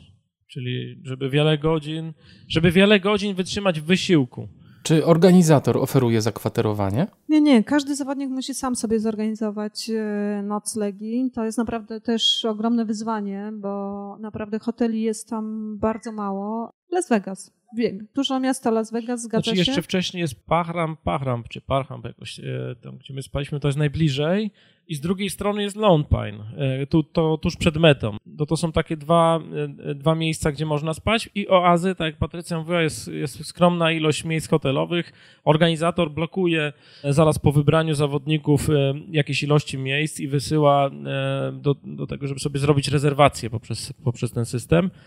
Y, część osób z tego korzysta, część nie, natomiast no, to nie są tanie rzeczy, o tak powiem. Te, te, znaczy to... tak, standard tych hoteli, bo ja rzeczywiście w dwóch z tych hoteli e, tam na miejscu korzystałam, to jest takie mm, trzy nasze gwiazdki, to, to jest luksus w porównaniu z tym, co tam się zastaje, natomiast płaci się jak za nasze pięć. W jednym z hoteli, w którym przed startem okazało się, że padła klimatyzacja i było 40 kilka stopni w pokoju, w którym miałam wypocząć przed startem i się schłodzić, e, padła lodówka i znaleźliśmy skorpiona na, pod prysznicem, więc taki to jest mniej więcej e, standard. Ale to oczywiście e, kwestia logistyki całej to jest indywidualna kwestia każdego zespołu. Każdy sobie organizuje tak, jak uważa. Tak, organizator jest y, tutaj zainteresowany jedną rzeczą, żeby pieniądze wpłynęły na czas i nie ma tam żadnych, y, że tak powiem, po prostu mają wpłynąć i bardzo szybko, prawda? Po ogłoszeniu listy startowej ma się naprawdę tam nie pamiętam już chyba trzy tydzień tygodnie, czasu albo dwa tygodnie. tydzień chyba jest na wpłacenie. Tak, to, no, bardzo krótki czas, to mnie zaskoczyło. I wysłanie oświadczenia, że za nic się nie ponosi, znaczy nie będzie się miało pretensji do nich, łącznie z tym, że za transport zwłok będzie się samemu A tu jeszcze właśnie e, przypomniałaś ciekawą rzecz, koszty. E, bo tam jest jeszcze taki obowiązek, że dokumenty w oryginale muszą, muszą dotrzeć być... do organizatora też w jakimś krótkim czasie, chyba trzech tygodni. Trzech tygodni, tak. E, a Poczta z Polski ja wysłałem priorytetem, E, później zaniepokoiłem się, bo to ja z tego co znaczy pamiętam. Ja poinformowałam, że rzeczywiście jest to problem, bo ja też jakoś późno e, się kopnęłam, że to trzeba wysłać oryginał, nie może być to żaden skan, e, więc u nas z Polski nawet, nawet w pierwszym terminie, gdyby człowiek to zrobił, to jest marne szanse, żeby to doszło na czas. Ja napisałem do organizatora, że wysłałem, wysłałem mu nawet skan potwierdzenia naszego wysłania, więc e, jak przyszedł ten termin, który w regulaminie był jako deadline e, określony, zestresowałem się nieco, ale odpisał mi, dobra, spokojnie, przyjdzie, to dam ci znać. I to, i to szczerze mówiąc, to on mi chyba po dwóch miesiącach e, dał znać, że przyszło. Tyle znaczy, tak, ja też dowiedziałam się właśnie, że nie ma sensu wysyłać z Polski pocztą lotniczą, która ma tam dojść w terminie chyba 14 czy tam maksymalnie 10 dni, jakoś oni podają, ale że przeciętnie to trwa dwa miesiące. E, tak działa nasza poczta. Także ja przyznam się, już teraz mogę, że, e, że tak powiem, mój podpis został sfałszowany i, i ze Stanów poszedł do Stanów. Natomiast wracając do organizatora, on oprócz tego, że dba o to, żeby kasa szybko wpłynęła i się zgadzała, to mocno promuje tą imprezę. To widać, bo jest tak mocno obecny w mediach społecznościowych, na żywo E, wrzuca na Instagrama właściwie z każdych tych spotkań, e, czy to jest odprawa, e, czy innego typu spotkanie, czy dekoracja. Na mecie dba o to, żeby dobry był wizerunek, jest ścianka, wręcza klamrę. No i, w, no i w sumie tyle. Tam można by powiedzieć z naszego punktu widzenia to za co płacicie. No ale to jest legendarny bieg. Każdy, myślę, kto czuje się na siłach, gdzieś tam z tyłu głowy marzy o tym. Płaci się głównie za każdy, właśnie uczestnictwo ale... w, tym, w tej społeczności, że tak powiem, e, tych biegaczy. no właśnie za to miejsce, za legendy, natomiast rzeczywiście organizator tak naprawdę nie zapewnia niemalże nic. Uważam, że to jest, dla mnie to był najtrudniejszy logistycznie bieg ze wszystkich, jakich brałam udział i najdroższy. Tak, potwierdzam. Czy straciliście podczas biegu dużo masy ciała? To znaczy, ja powiemy tak, e, generalnie, generalnie ja mam tak, że jeżeli mam możliwość ważenia się po takim e, biegu ultra, to jest zawsze 2 kg na plusie. E, co tak. oczywiście wynika z jakichś tam pewnie delikatnych obrzęków, chociaż ja tam nie widzę ich, ale, ale widocznie są. Mm, dwa, jednak ja się akurat mało pocę i, i staram się pilnować nawadniania. E, trzy, na jednym slajdzie, nie wiem, czy zostawiłeś go, czy wyrzuciłeś. E, po biegu zjadam śniadanie. E, Jest tam, tak. Poszliśmy do takiej amerykańskiej śniadaniowni. I wzięłam zestaw chyba naj, e, najbardziej koloryczny, jaki był. E, tosty francuskie, e, bekon, jajka, syrop klonowy. Tam jeszcze coś było. Ale tam prawda? też nie ma za dużego wyboru w tych Ale, knajpach e, amerykańskich. To myślę, że to spokojnie były 3000 kalorii na jednym talerzu, to lekko. Zjadłam to, e, wróciliśmy do pokoju, dziewczyny wstały koło godziny 10 i udaliśmy się na śniadanie e, hotelowe. Ja przeciętnie 5 do 7 kg na takich najdłuższych trasach chudne zrzucam z wagi, czy tam tracę na wadze, natomiast e, przestałem się ważyć bezpośrednio po biegach e, dlatego że to nie ma sensu. Bywa tak, że można ważyć właśnie więcej ze względu na zaburzoną gospodarkę wodną. Cały czas pijemy. E, ja mam z, dokładnie zmierzone, ile wypiłem wody, znaczy wody, elektrolitów. E, ja niestety nie, próbowaliśmy, ale dziewczyny stwierdziły, że za szybko biegłam i nie nadążały na e, Mogę zadać zagadkę, czy zdajecie sobie, jak ktoś wie, to niech nie mówi, ile, ile wypiłem w ciągu, w ciągu całej trasy. Na drinki nie przeliczajcie z lodem, bo to... Nie. To biegłem niecałe 34 godziny i cały czas uzupełniałem. 60 litrów wypiłem. Także trochę tego było. Myślę, że no nie ma takiej imprezy, żebym 60 litrów wypił. To jest jedyna. W jaki sposób radziliście sobie z potrzebami fizjologicznymi? E, o jedynkę pan pyta, czy o dwójkę? Ja tu powiem, że jedną z rzeczy, którą wymaga organizator, jedną z wielu rzeczy, których wymaga organizator, to są takie e, torebki, które nazywają się beef buggy. E, e. Oczywiście wszystko można zamówić na stronie organizatora za odpowiednią sumę. Wyobraźcie sobie, że jest firma, która sprzedaje w całych Stanach e, te właśnie beefy buggy i tam wpisując w miejscu, gdzie się normalnie kod rabatowy wpisuje Bedwater, o, nazwisko już z PayPala sobie szczytuje i można odebrać w punkcie na odprawie e, beefy buggy. Oczywiście, Oczywiście to... nie można mieć innej firmy. Mm -mm. Oczywiście Oczywiście to Peter powiedział mi, że i tak z tego nikt nie korzysta, bo tak naprawdę po drodze są toalety w niektórych miejscach. Myślę, że jak ktoś nie ma kłopotów żołądkowych, to spokojnie może z nich korzystać a poza Parkiem Narodowym już można normalnie. Znaczy organizator wspomniał, że wody jest brak, więc jeżeli to jest jedynka, to śmiało. Tylko ta, zalecają, żeby nie, nie robić tego przy drodze, bo tam rzeczywiście i ciężarówki jeżdżą. Ale z drugiej strony mówią, żeby absolutnie nie odchodzić od drogi, to znaczy, bo rzeczywiście są tam e, no, grzechotniki, skorpiony, a poza tym te krzaczki malutkie, które tam są, znaczy nie ma sensu odchodzić dalej, bo i tak nie ma tam większych krzaczków, a, znowu te krzaczki, które ewentualnie są, to są wszystko kolczaste rośliny, więc y, no, mogłoby się to skończyć mało przyjemnie. Ja miałam taką przygodę, że no, oczywiście gdzieś tam za jakimś samochodem jednym dobiegam i mówię, muszę już teraz natychmiast i mieliśmy takie osłony y, na szybę y, srebrne i dziewczyny, dziewczyny zasłoniły, no ale one mają tylko dwie ścianki. No i ja tam akurat no, już sikałam, no i mówią, ale wiesz co, z tyłu teraz jedzie właśnie luksusowa wycieczka Volkswagenów, kilkanaście samochodów. To tylko odpowiedziałam, a wiecie, gdzie ja mam tą wycieczkę? W tym miejscu, które, które oni właśnie oglądają.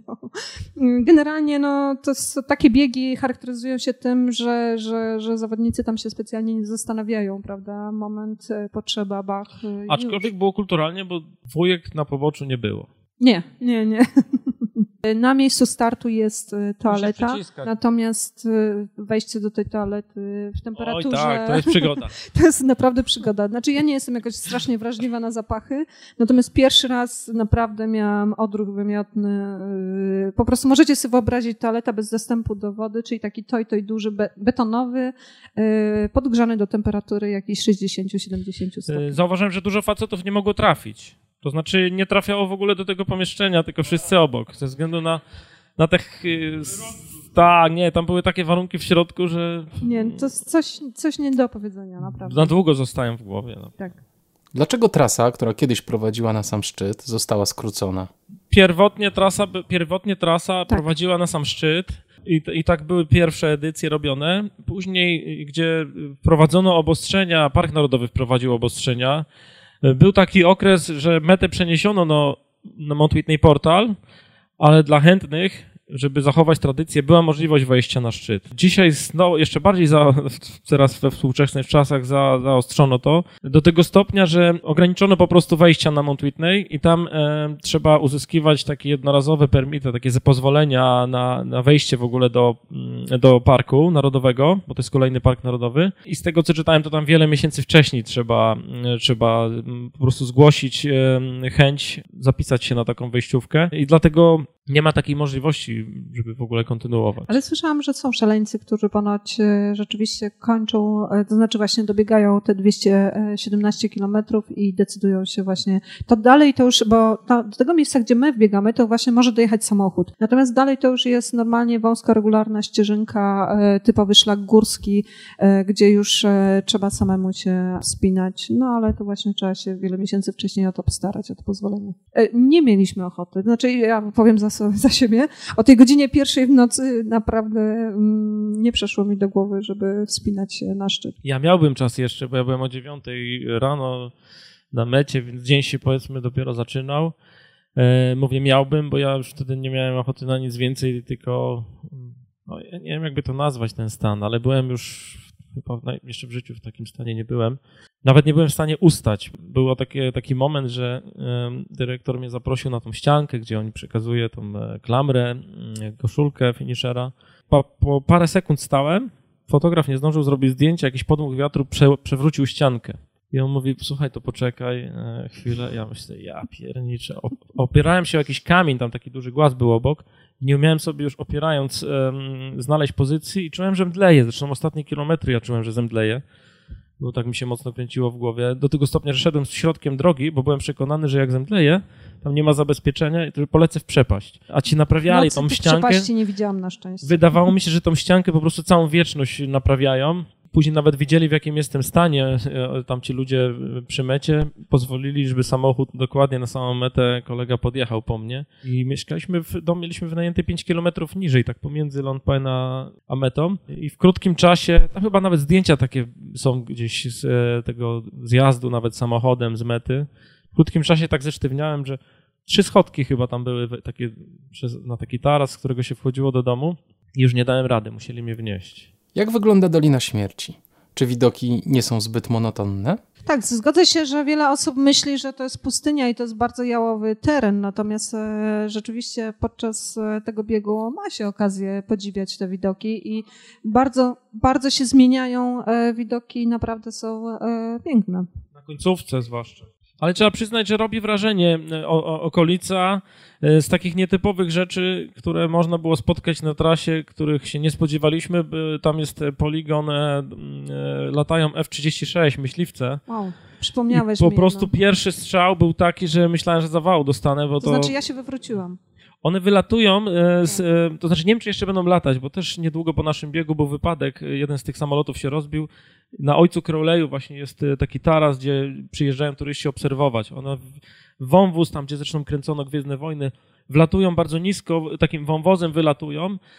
No to są ponaddźwiękowce, więc one najpierw słychać takie uderzenie, taki potężny huk, i za chwilę wylatuje samolot w odległości, mam wrażenie, kilkaset metrów od, tak. od, od... To znaczy ja tego zupełnie inaczej odebrałam, dlatego że akurat y, byłam jak gdyby na dosyć wysokim miejscu, właśnie być może tam, gdzie się obserwuje. Leciał dokładnie na wprost mnie, więc jego się nie słyszy. Natomiast ja go też nie widziałam.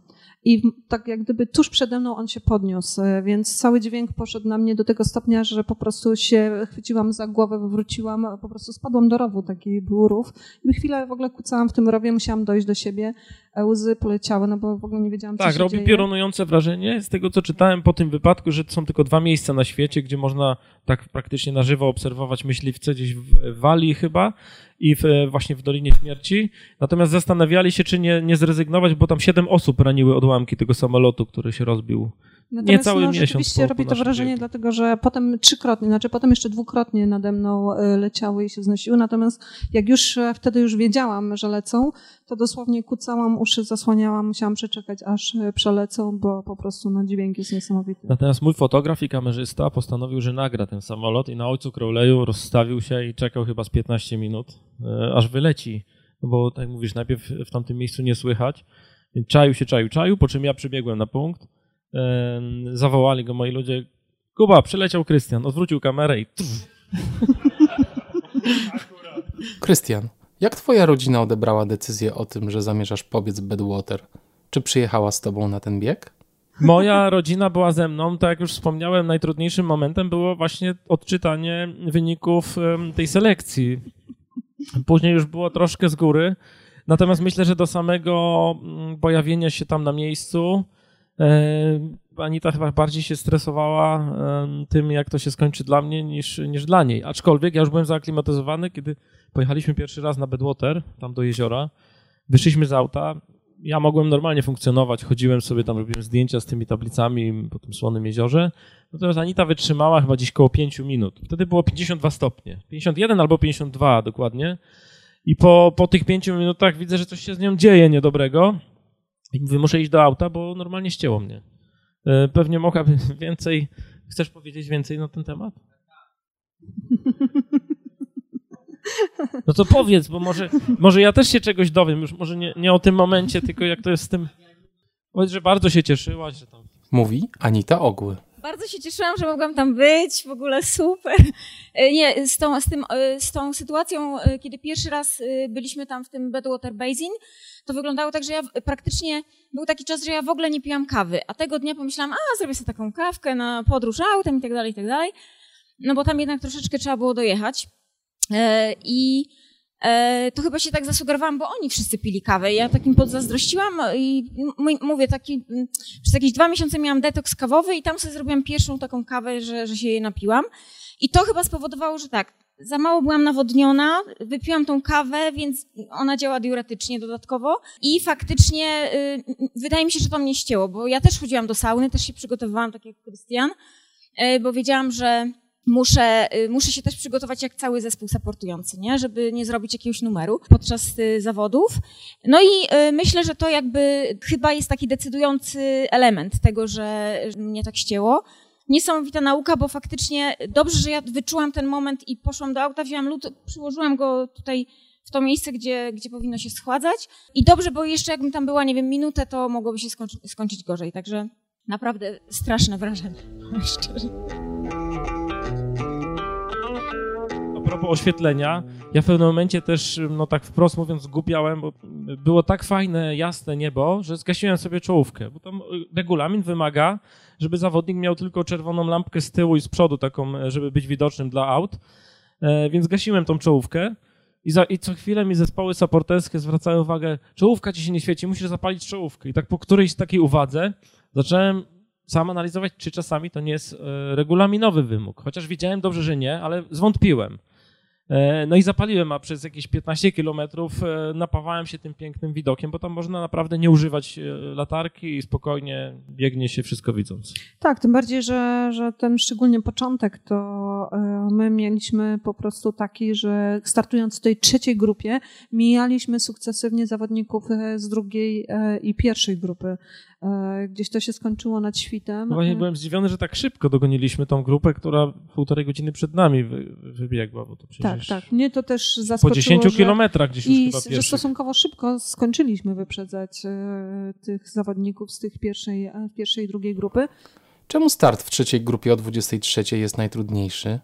To wynika z tego, że po prostu mamy jak gdyby najmniej e, czasu w nocy do biegu, e, czyli, czyli ten świt dla nas pojawia się znacznie szybciej niż dla zawodników, którzy startowali 3,5 godziny przed nami. Natomiast ciekawostką i do końca nie rozumiem idei tego jest, że są limity czasowe na trasie. E, Limity czasowe są nieokreślone dla poszczególnych grup, tylko takie same o tej Konkretna samej godzina godzinie, zegarowa. Tak, czyli grupa, która startuje o godzinie 20, 20 ma ma dokładnie taki sam limit czasu jak my startując o 23. Natomiast jak przeliczyłam ten, ten limit, e, to on był naprawdę bardzo taki e, niewyśrubowany, więc nie, nie miałam żadnych obaw, że, że na przykład nie dobiegnę. Ciekawe, jak to organizator rozgrywa, bo z tego co wiem, to raczej restrykcyjnie pilnuje tych godzin. Mm, natomiast no, nigdzie indziej na żadnym biegu nie spotkałam się, żeby zawodników wypuszczać trzy godziny później niż pierwszych, a obowiązuje ich ten sam limit czasowy. Mm. Natomiast trzeba przyznać, że przy starcie rzeczywiście nawet jak startuje 35 osób, to jest pewien chaos, bo jest ciemno. Pierwsza grupa chyba tylko startuje, jak jest widno. Ale tu mhm. startuje się ciemno jest, jest zwarta grupa I nie można tu powiedzieć o tym, że się biegnie 20 km, bo jednak jest gorąco i trzeba cały czas być serwisowanym. Więc najczęściej to jest tak, że poszczególne auta e, dają jakieś charakterystyczne albo światła, albo jakieś znaczki. My mieliśmy właśnie tą chorągiewkę polską, flagę taką e, kibicowską przy, przymocowaną, bo w tym tłumie aut jedzie taka kawalkada. Nie jest wcale łatwo znaleźć to, które akurat jest moje no też dlatego, że większość tych aut jest bardzo podobnych. Tam są ograniczenia, jeśli chodzi o rozmiary. Większość, e, większość zawodników, większość zespołów wybiera białe. E, więc Nie wiedzieć dlaczego. Przez, przez pierwsze 2-3 e, godziny jest troszeczkę trudniej pod tym względem. Trzeba być bardzo mocno skoncentrowanym i zarówno support, jak i zawodnik musi się mocno pilnować. Tak, ja też miałam problem z znalezieniem swoich, swojego supportu. E, bo jakoś samochód rozpoznawałam, no ale samochody stają po prawej stronie drogi, zawodnicy biegną po lewej i serwis ustawia się również po lewej stronie. Natomiast wszyscy mają obowiązek posiadania koszulek odblaskowych, e, żółtych lub pomarańczowych, o identycznej szerokości paskach e, w tym samym miejscu umieszczonych, więc naprawdę wcale nie jest łatwo jak gdyby wśród tych ludzi odnaleźć tych swoich. E, no szczególnie, że naprawdę jest ciemno, wszyscy mają czołówki, więc to naprawdę wygląda dokładnie tak samo. Jak wyglądał wasz bieg pod względem samopoczucia i kontuzji? Krystian wspominał już coś o bólach i halucynacjach. Chciałbym o tym usłyszeć coś więcej. A jak u ciebie, Patrycja? Jak to wyglądało? Znaczy, że tak powiem, biegłam, czekałam, biegłam, czekałam, biegłam, czekałam i cały czas buźka mi się uśmiechała. E, z serwisem naprawdę świetnie się bawiliśmy, e, świetnie się czułam. Napra naprawdę, naprawdę. Dziewczyny mi śpiewały, ona tu jest i biegnie dla mnie. E, e, naprawdę ja cały czas pokazywałam, że jest świetnie. E, niewiele biegów w tak ultra, że tak powiem, tak dobrze mi się biegło, tak dobrze się czułam. Natomiast oczywiście zaczął się, zaczęła się noc, zaczął się ten ostatni podbieg. E, I to były pierwsze miejsce, gdzie zaczęłam e, podchodzić miejscami. E, I tu zaczęły się moje płacze do mojego serwisu, że jestem za wolna, że jestem beznadziejna, że muszę przechodzić do marszu. To, to, to nie jest normalne. Delikatnie to ujmujesz, ja jestem dosadniejszy. Mm, no więc tam zaczęłam rzeczywiście marudzić swojej ekipie serwisowej. One kompletnie tego nie rozumiały, bo jak się mnie pytały, czy się dobrze czuję, no to mówię, że no poza tym, że oddychało się naprawdę no, ekstremalnie ciężko i to dobrze, że biegłam sama i nikt tego nie słyszał, bo po prostu no, nigdy w życiu tak ciężko nie oddychałam. Natomiast y, generalnie to właśnie no, no, czułam się do końca świetnie. No i jak potem po wszystkim dowiedziałam się, że finalnie okazało się, że ten odcinek y, pokonałam w rekordowym czasie, znaczy w sensie y, nawet tam rekord kobiet był dużo, dużo, dużo słabszy na tym ostatnim odcinku, ale potem mi moja ekipa wyliczyła, że pokonałam go szybciej niż zwycięzca trasy. No to po prostu przepraszałam ich wielokrotnie, że ja tak marudziłam tam, bo naprawdę wynikało to tylko z tego, że mi się wydawało, że jestem za wolna. Ja z kolei już mówiłem o tej kontuzji, która mi się przydarzyła i z czasem, e, jak to, zmieniłem buty już później na hoki. Hoki, wiecie, z, e, z taką, jak to się mówi, grubą słoniną. E, wrócę do tego, tak a propos butów. Na sam koniec wydawało mi się, że biegnę w jakichś sandałach bez w ogóle amortyzacji. Tak, ten asfalt mi, mi się dał wyznaki. Natomiast jeszcze do, do połowy trasy do Panamin Springs w miarę mi się fajnie biegło, czasami tam na tym zbiegu musiałem schodzić, żeby ten ból jakoś uśmierzyć. Natomiast już później od ojca Crowley'a coraz częściej przechodziłem do chodu, dlatego że coraz bardziej mnie bolało wszystko. Na początku oczywiście zaczął się od kostki, żeby chronić tą, tą uszkodzoną kostkę, no to inaczej stawiałem nogi, przyjmowałem inną pozycję, więc te inne partie ciała przeciążałem i doszedłem do takiego momentu, że już mnie bolało niemal wszystko, właściwie to mnie wszystko bolało. I jak y, później zaczęła się noc, no to zaczęło być najciekawiej, bo właśnie zacząłem mieć takie halucynacje dosyć intensywne. Tam wzdłuż tego jeziora co chwilę widziałem krokodyle i nawet Anita zwróciła uwagę, na którymś z punktów siedziałem i mówię, Kuba, może byś już pomógł mi, pod, tak biegniesz ze mną, idziesz, może byś pomógł mi odganiać, bo w Francjach wchodzą i cały czas atakują. Anita mówi, oho, już jest grubo. O, już, już jest naprawdę grubo. Natomiast faktycznie wydawało mi się, że tam czyhają jakieś, jakieś krokodyle, ale to jeszcze powiedzmy była taka e, lekka część grubszej opowieści. Tam warto wspomnieć, na starcie była taka pani fotograf, też na jednym ze slajdów jest, Indianka z plemienia, które tam żyje e, od, od zarania. Robiła wszystkim zdjęcia. I ostatni raz widziałem ją w, w Panamint e, Springs, czyli... Ona w takiej jasnej sukni? Tak, ona w takiej jasnej sukni i tak wszystkich mierzyła długo. I tam, tam ostatni raz, jak zmieniałem buty, moczyłem sobie nogi w lodzie, ona e, podeszła i przez długi czas mierzyła, pewnie robiła jakieś zdjęcia. Później, jak już e, po kilku godzinach nastała noc, no to już w tych moich halucynacjach dotarło do mnie, że ona na starcie, jak robiła wszystkim zdjęcia, to zaopatrywała każdego w moce, żeby, żeby przetrwał bieg. E, I Szkoda, później, że tego nie wiedziałam. I później na tym e, taka, taka mi się historia stworzyła, że później właśnie w Panamint Valley, kiedy mnie, mnie też e, ostatni raz ją tam widziałem w realu, a później tak powracała, że ona już w moich halucynacjach wtedy powiedziała do mnie, obserwuję ciebie od początku. Słuchajcie, to nie są śmieszne rzeczy. Obserwuję cię od początku najważniejsze, co musisz wiedzieć, że od tej pory będzie najtrudniejszy moment biegu, dlatego że wchodzisz na teren bardzo niespokojny, gdzie cały czas ścierają się dobre mocy ze złymi.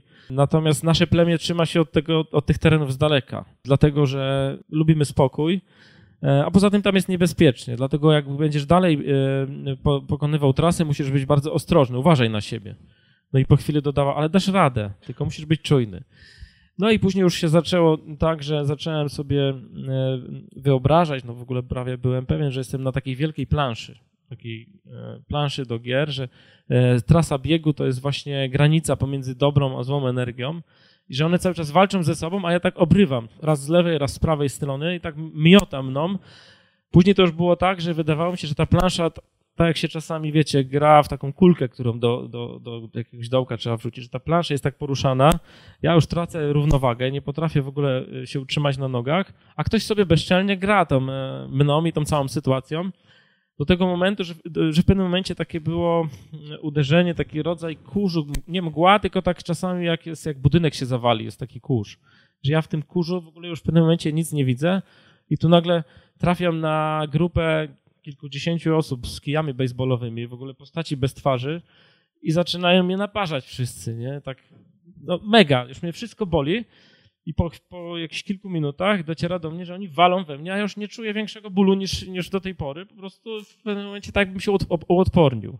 I stwierdziłem, że skoro już i tak większego bólu mi nie są w stanie zadać, no to jakoś sobie poradzę. I tak, I tak co chwilę jakaś tam kolejna odsłona, jak w grze komputerowej. Później te krokodyle, na koniec też ciekawa rzecz, bo spadła temperatura, to już mówiąc o, o świecie realnym, że zaczęło mną telepać tuż przed Lone Tam, to już była gdzieś czwarta nad ranem chyba. Normalnie y, czuję drgawki i byłem przekonany, że gdzieś temperatura spada może do pięciu, może do siedmiu stopni. Więc ubrałem wszystko, co miałem na siebie. Bałem się, że jak wejdę, wejdę do góry, to tam będzie poniżej zera śmiało. Y, I ciekawostka jest y, dlatego taka, że w ogóle nie zdawałem sobie sprawy, jaka jest temperatura. Dopiero jak pojechałem później do Chamonix na koniec sierpnia, Kuba mówi, a wiesz jaka była wtedy temperatura? Bo ja specjalnie wszedłem do auta i sprawdziłem na termometrze, jaka jest temperatura. Ja wiem, no nie wiem, no maksymalnie 10, chyba więcej nie było. Nie, 27. E, taka jest odczuwalność e, temperatury, kiedy się z 52 e, obniży, bo nawet jak już spadła do 40, po, po, po pobycie w 50, to wtedy czułem pełen komfort, tak jakbym biegł w umiarkowanym klimacie. No ale wracając do tych halucynacji, później jeszcze miałem taki kryzys mega, znaczy może najpierw nie w halucynacjach. E, w Lone Pine mnie zawołani e, moi na, na parking ja tam e, położyłem się na glebę i czułem, że po prostu jestem totalnie wypruty z energii i zaczęło mi się chcieć mocno spać. Wypiłem trochę kawy, zrobili mi jedzenie, jak zjadłem, zjadłem ciepły posiłek, to jeszcze bardziej mi się chciało spać. I wiedziałem, że jak tutaj nie wstanę, jak tak zostanę, to zesztywnieję i być może już nie ruszę dalej. E, no ale też był przy okazji, była halucynacja, bo ta, te złe moce w postaci takiej skulonej postaci, w, nie pamiętam czy w Harry Potterze, tak jakby ten zgredek, taki uśmiechnięty, kucał nade mną i się cieszył, że ja właśnie się poddaję. Ja wtedy mówię, nie, to jest syn, wstanę teraz i pójdę tam, nie? I go w, w, w, halucynacjach wziąłem i bardzo szybko wszedłem na górę, natomiast no rzeczywiście to tam trzeba było się trochę namęczyć. I później jak już dotarłem na szczyt, no to oczywiście ten, ten cały w cudzysłowie zgredek skulił się, taki smutny się zrobił, gdzieś sobie poszedł w swoją stronę, a ja zacząłem szukać nagrody jakiegoś tam, myślałem, że tam idę po, jakąś, po jakieś trofeum. No i nagle jakiś głos mówi, nie szukaj nagrody, masz ją w sobie, dlatego tu dotarłeś. No i takie to się wtedy zrobiło patetyczne, ale ja już byłem tak wypruty, że, e, że nawet nie miałem siły spać. To powiem tak, mój, mój, mój bieg był całkiem nudny. Dlatego, dlatego on chce wrócić. dlatego jest, ja nie chcę tam wracać. Ale to jest zasługa supportu, bo to wszystko zależy od tego, co jemy. Może jadłaś mniej grzybów. Nie no, e, rzeczywiście przed wyjazdem skonsultowałam się z e, Jagodą Podkowską. E, ona nie ma jakichś magicznych mocy, więc dorodziła mi całkiem normalne menu, aczkolwiek wprowadziłyśmy jakieś zmiany, bo zdawałyśmy sobie sprawę, że moje kochane pierogi ruskie nie, nie, w tej temperaturze raczej się nie sprawdzą. Mm, czy barszczyk czerwony generalnie będzie się ochotę na coś wilgotnego, zimnego, nawadniającego. I to, co wprowadziłam nowego do, do mojej diety, to były galaretki owocowe i galaretka taka e, mięsna rosołowe. Nie powiem nóżki, bo to raczej było na piersi, chude, ale, ale po prostu wiedziałam, że samo słodkie, gdyby to nie do końca w pewnym momencie zaczyna smakować. I rzeczywiście z niewielką ilością e, octu e, to była rzeczywiście fajna, fajna rzecz. Trzeba wspomnieć o tym, że z jedzeniem jest tam taki problem, że wszystko trzeba trzymać w kulerach w lodzie, że absolutnie nic nie może być na zewnątrz, no bo raz, że się wszystko rozpłynie, dwa, że po prostu temperatury zaraz by się coś zepsuło.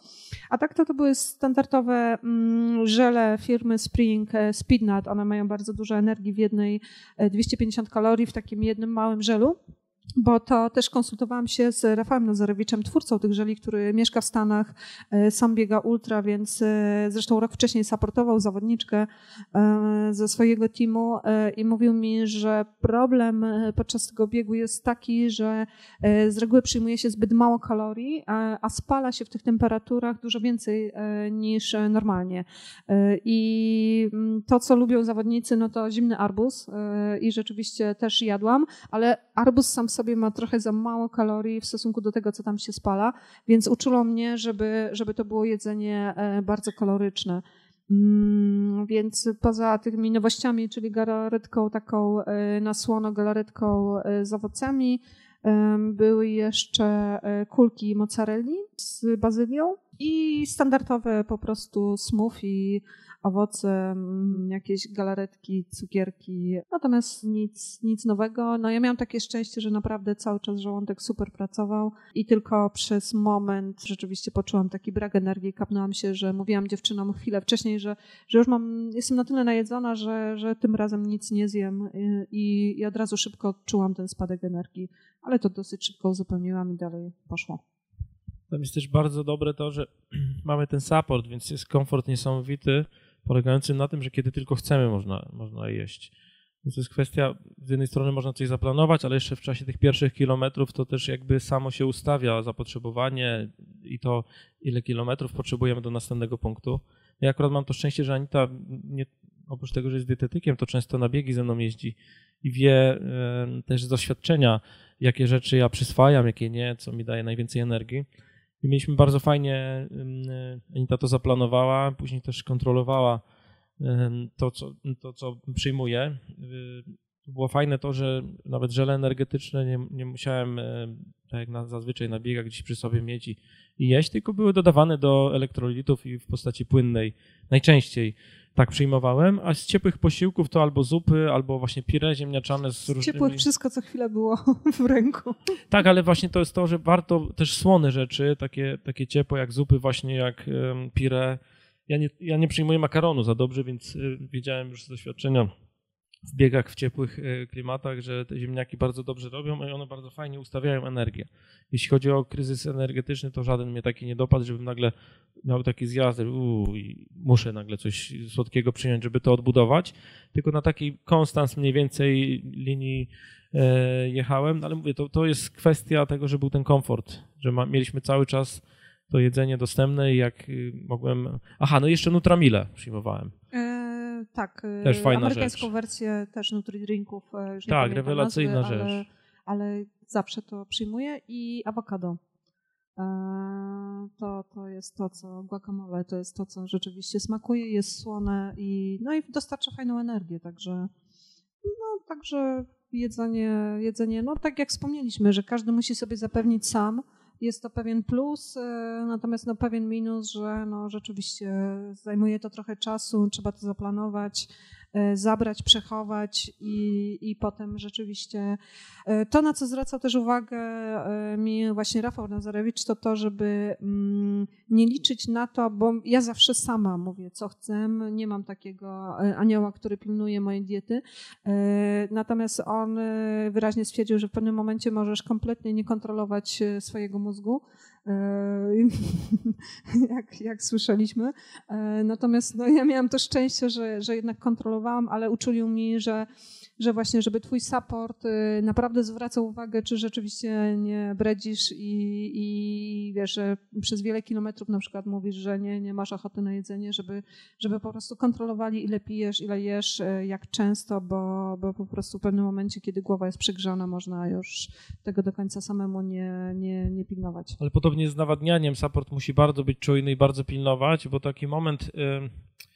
ja myślę, że tak, e, nie wiem czy oglądaliście film e, Zwycięzca z Darkiem Strychalskim. Ja nie zdawałem sobie sprawy, ale paru fachowców mówiło, mówiło mi, że tam przy tej pierwszej próbie, gdzie on nie, nie, nie skończył, dostał udaru, że ewidentnie właśnie jego support nie wyczuł momentu, gdzie powinni go zmusić e, chwilę wcześniej do tego, żeby się nawadniał i coś jadł. Przeuczyli to, czy zlekceważyli i skończyło się jak się skończyło. Więc to jest ważne, żeby mieć zaplanowane e, wszystkie te e, elementy, ale to też ja wiem z innych biegów, zawsze tak za nitą planujemy, że zawsze mówię, wiesz, ja będę w różnym stanie, ty masz mnie to zmusić, ja muszę to zjeść, muszę to wypić, bo inaczej może być e, kiepsko. Czy ubezpieczyliście się przed biegiem? Dolinie Śmierci się nie ubezpieczamy, bo to nazwa mówi, że nie ma sensu. Znaczy, nie wiem, czy jakiekolwiek firma ubezpieczeniowa by podjęła takie ryzyko. E, szczerze mówiąc, to, to nie robiłam żadnego dodatkowego ubezpieczenia na ten bieg. My robiliśmy, w, e, to Anita zna szczegóły, zawsze mamy takiego agenta, gdzie jak, e, jak jedziemy na jakieś biegi ekstremalne, no to faktycznie robimy takie typowo dedykowane. To tak jeszcze z anegdot mi się przypomniało, jak na Lavaredo mieliśmy ubezpieczenie w, w, na konkretną datę, akurat jakoś tam, nie wiem z jakich względów, czy chyba, że w dniu wyjazdu to jakoś było, że e, start był o 23, więc tego pierwszego dnia nie, nie uwzględniała i tam mówiła, że pierwszą godzinę musisz e, na Lavaredo na 100%, pierwszą godzinę mówiła, że musisz uważać. I tak pierwszą godzinę przez las po takich korzeniach, patrzę 12, można grzać warto mieć dobrą polisę, dlatego że z doświadczenia też wiem z poprzedniego pobytu na, na Western, akurat nie mi, tylko szwagierce przydarzyło się to, że tam y, ząbjak, z tego co pamiętam, y, ją zabol. A wszyscy wyko, wy, wykupiliśmy tą samą polisę. E, i jak tylko zadzwoniliśmy, że jest potrzebna pomoc, praktycznie za 5 minut był telefon, e, tutaj 300 metrów obok macie klinikę, normalnie fajna, komfortowa obsługa no to na takie sytuacje warto się ubezpieczyć, natomiast nikt z nas nie przewiduje, jakie kwoty będą potrzebne. Najważniejsza jest pomoc medyczna. Nikt nie zakłada tego najgorszego, więc no ja najczęściej wykupuję jakąś polisę. Czasami jest to w regulaminie określone, że jest obowiązkowe, ale najczęściej chcę mieć ten komfort z tyłu głowy, że niech rodzina będzie spokojna. Na jakich najwyższych wysokościach byliście w życiu? Ja w tym roku byłem na 4000. Wjechaliśmy samochodem za Nitą. Ja też byłam na Pobiegu w najwyższej stacji na Elbrusie, na którą można wjechać. Wjechałam tam kolejką.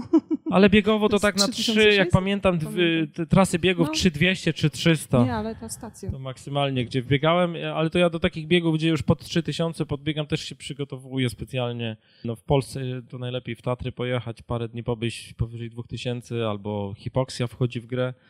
E, I to jest tak, jak chyba kiedyś Krzysztof Wielicki powiedział, że najtrudniej jest zawsze pierwszy raz przełamać pe pewną barierę wysokości. I jakoś to organizm zapamiętuje, że później dużo szybciej ta adaptacja przychodzi. Ale to jest biegi górskie to jest, i, i pobyt w górach to jest też inna bajka, można by było o tym dużo mówić. Tak, e, tutaj ta, my rzeczywiście wbiegaliśmy stosunkowo wysoko, licząc jakiego pułapu, po prostu startowaliśmy z depresji.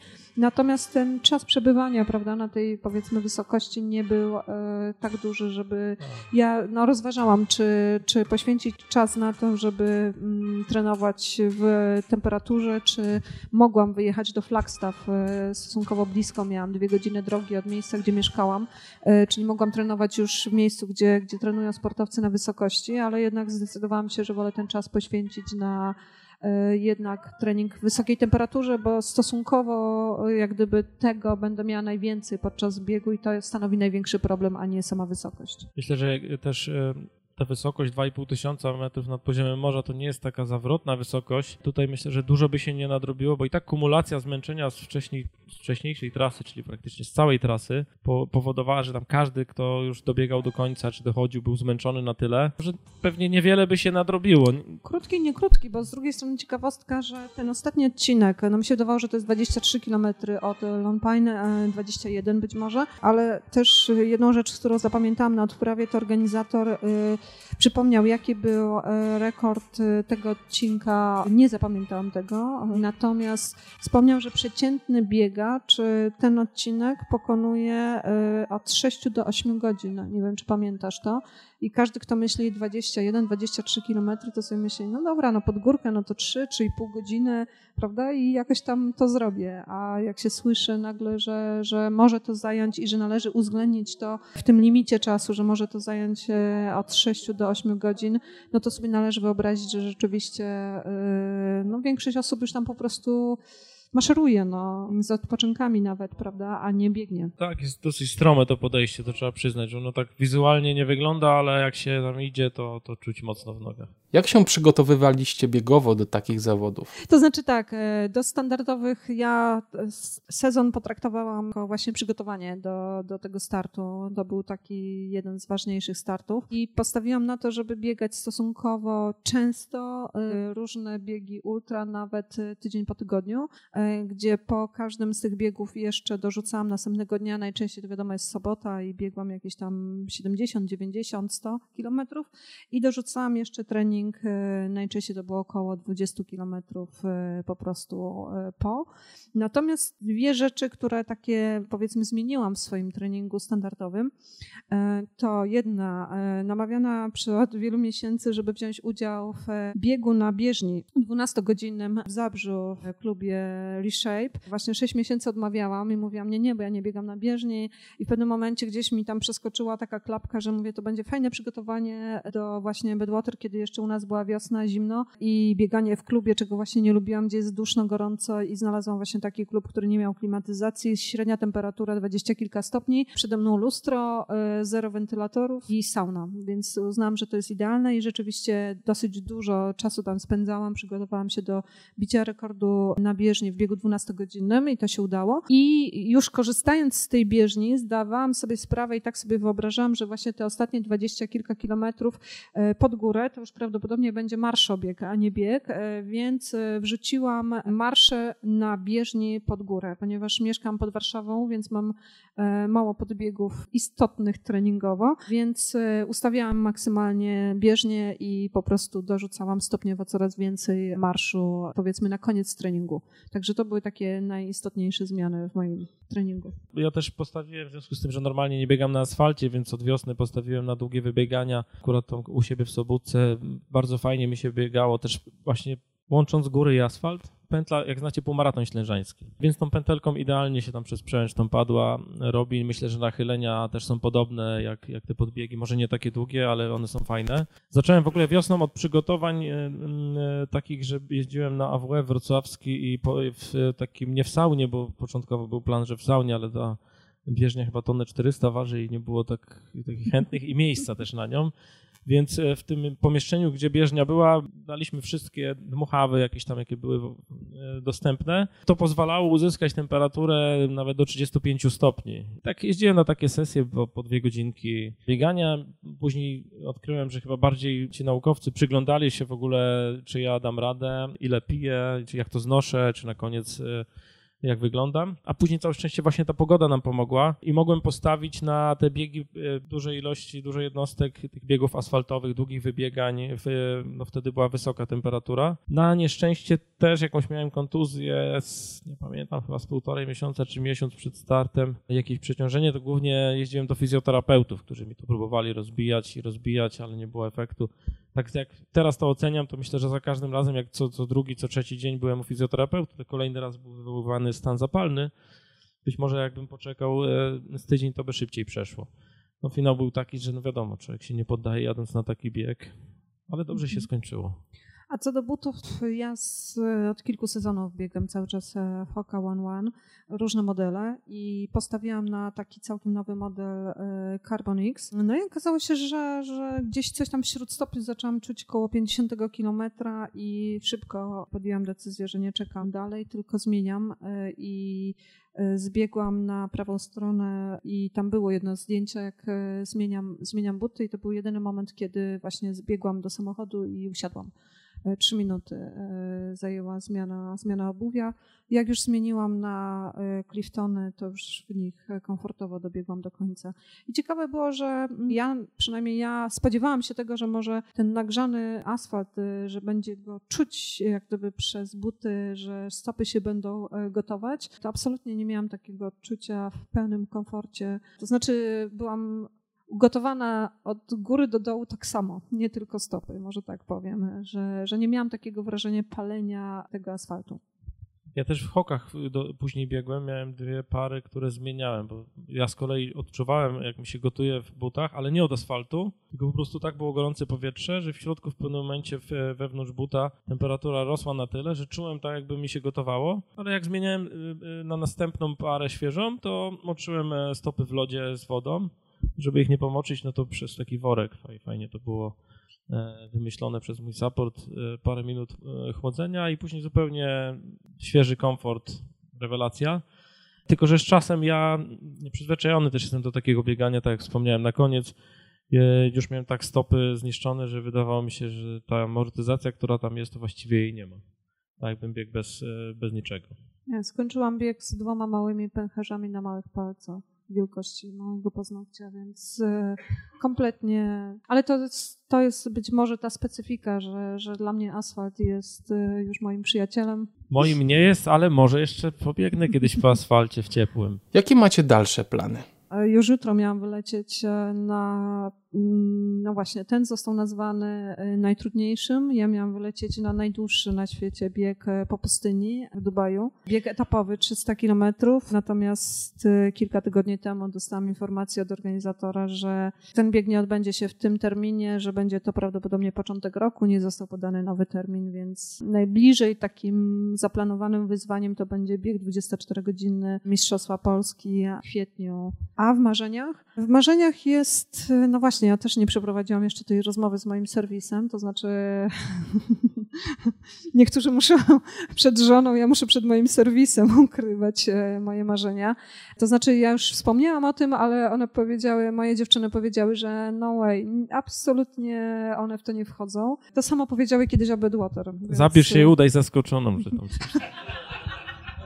Podziała. E, więc marzy mi się start w biegu trzydniowym, 72 godziny, e, przełom czerwca, lipca w Finlandii. Asfalt, pętla, e, temperatury przyjazne, trzeba będzie uciekać przed komarami. Ja szczerze mówiąc mam rzeczywiście pewien rodzaj traumy od Bedwater. Znaczy tak, miałem, później miałem biec TDS-a, ale byłem w takim stanie, dwa miesiące to chodziłem do siebie po Bedwater.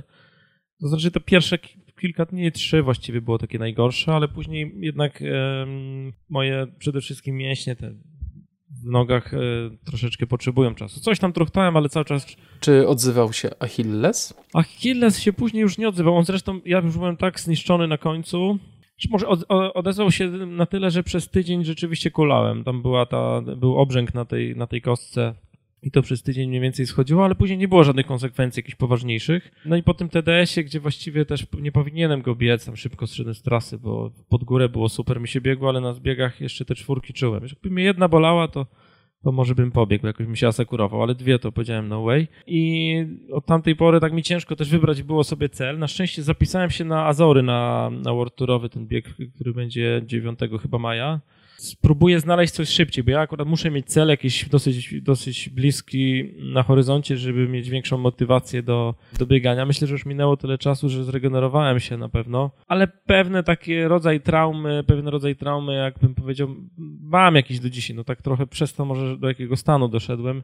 Nie lubię zgredków za bardzo widzieć, e, żartując. Natomiast jeśli chodzi o, o bieg marzeń, e, no to na pewno jest hard rock, tylko że w związku z tym, że w zeszłym roku było tyle śniegu, że odwołali, no to w tym roku w ogóle nie ma selekcji i nawet powiedzieli, że jakby ktoś nie wystartował, to tam z listy rezerwowej wezmą. Może w przyszłym roku będziemy próbować. Jeszcze chciałbym kiedyś western powtórzyć, bo tam biegłem z kontuzją, no i tutaj też dzisiaj opowiadamy o biegu, na którym biegłem z kontuzją, może, może kiedyś pojadę.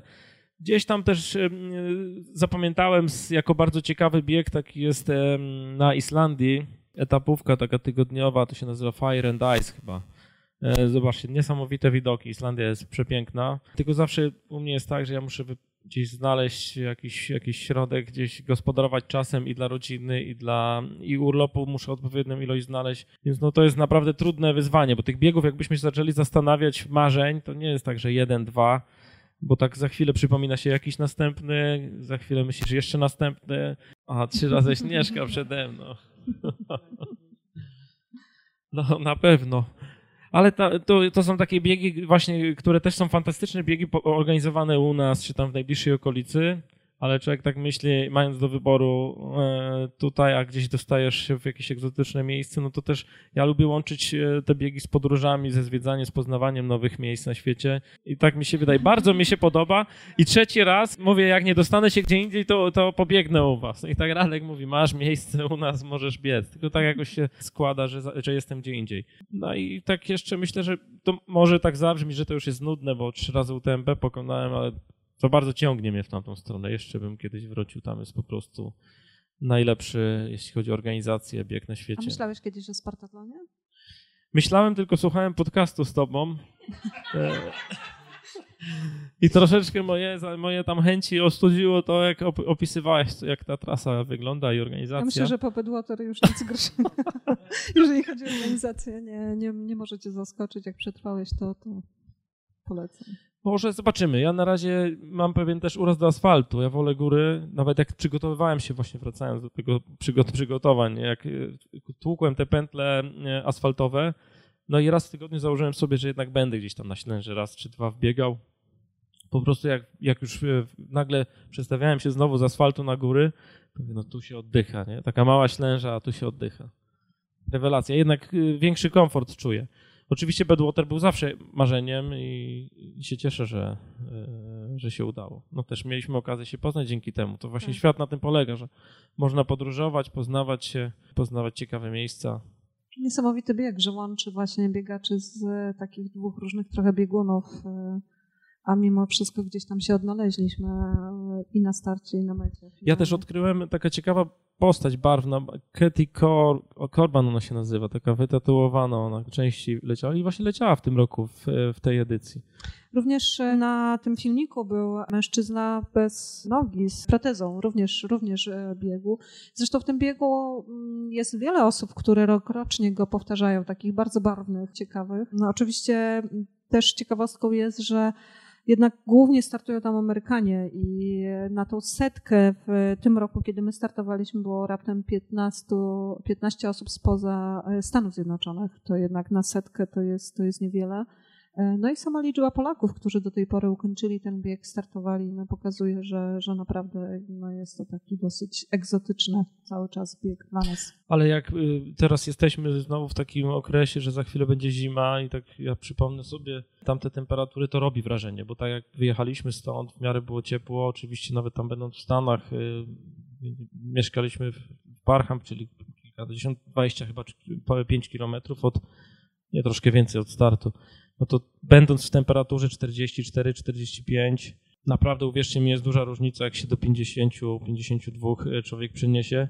I nawet jak oglądałem te, te, teraz przygotowując tą prezentację zdjęcia Patrycji i moje, no to, e, to dopiero po długim czasie dociera, w jak bardzo ekstremalnych warunkach my byliśmy, bo wcześniej to człowiek tak, nastawiamy się, fokusujemy się w ogóle na bieg, nie ma za bardzo przeszkód. Ja bardziej myślę, że człowiek się zastanawia, jak, jaką strategię przyjąć właśnie z nawadnianiem. Nie, nie, w ogóle nie dopuszcza się do myśli, że nie dam rady, odpuszczę sobie, tylko jak to fajnie poukładać, żeby, żeby się skończyło jak najlepiej. I tak właściwie nie skupia się człowiek w tym, że w, za chwilę będę w takim piekle.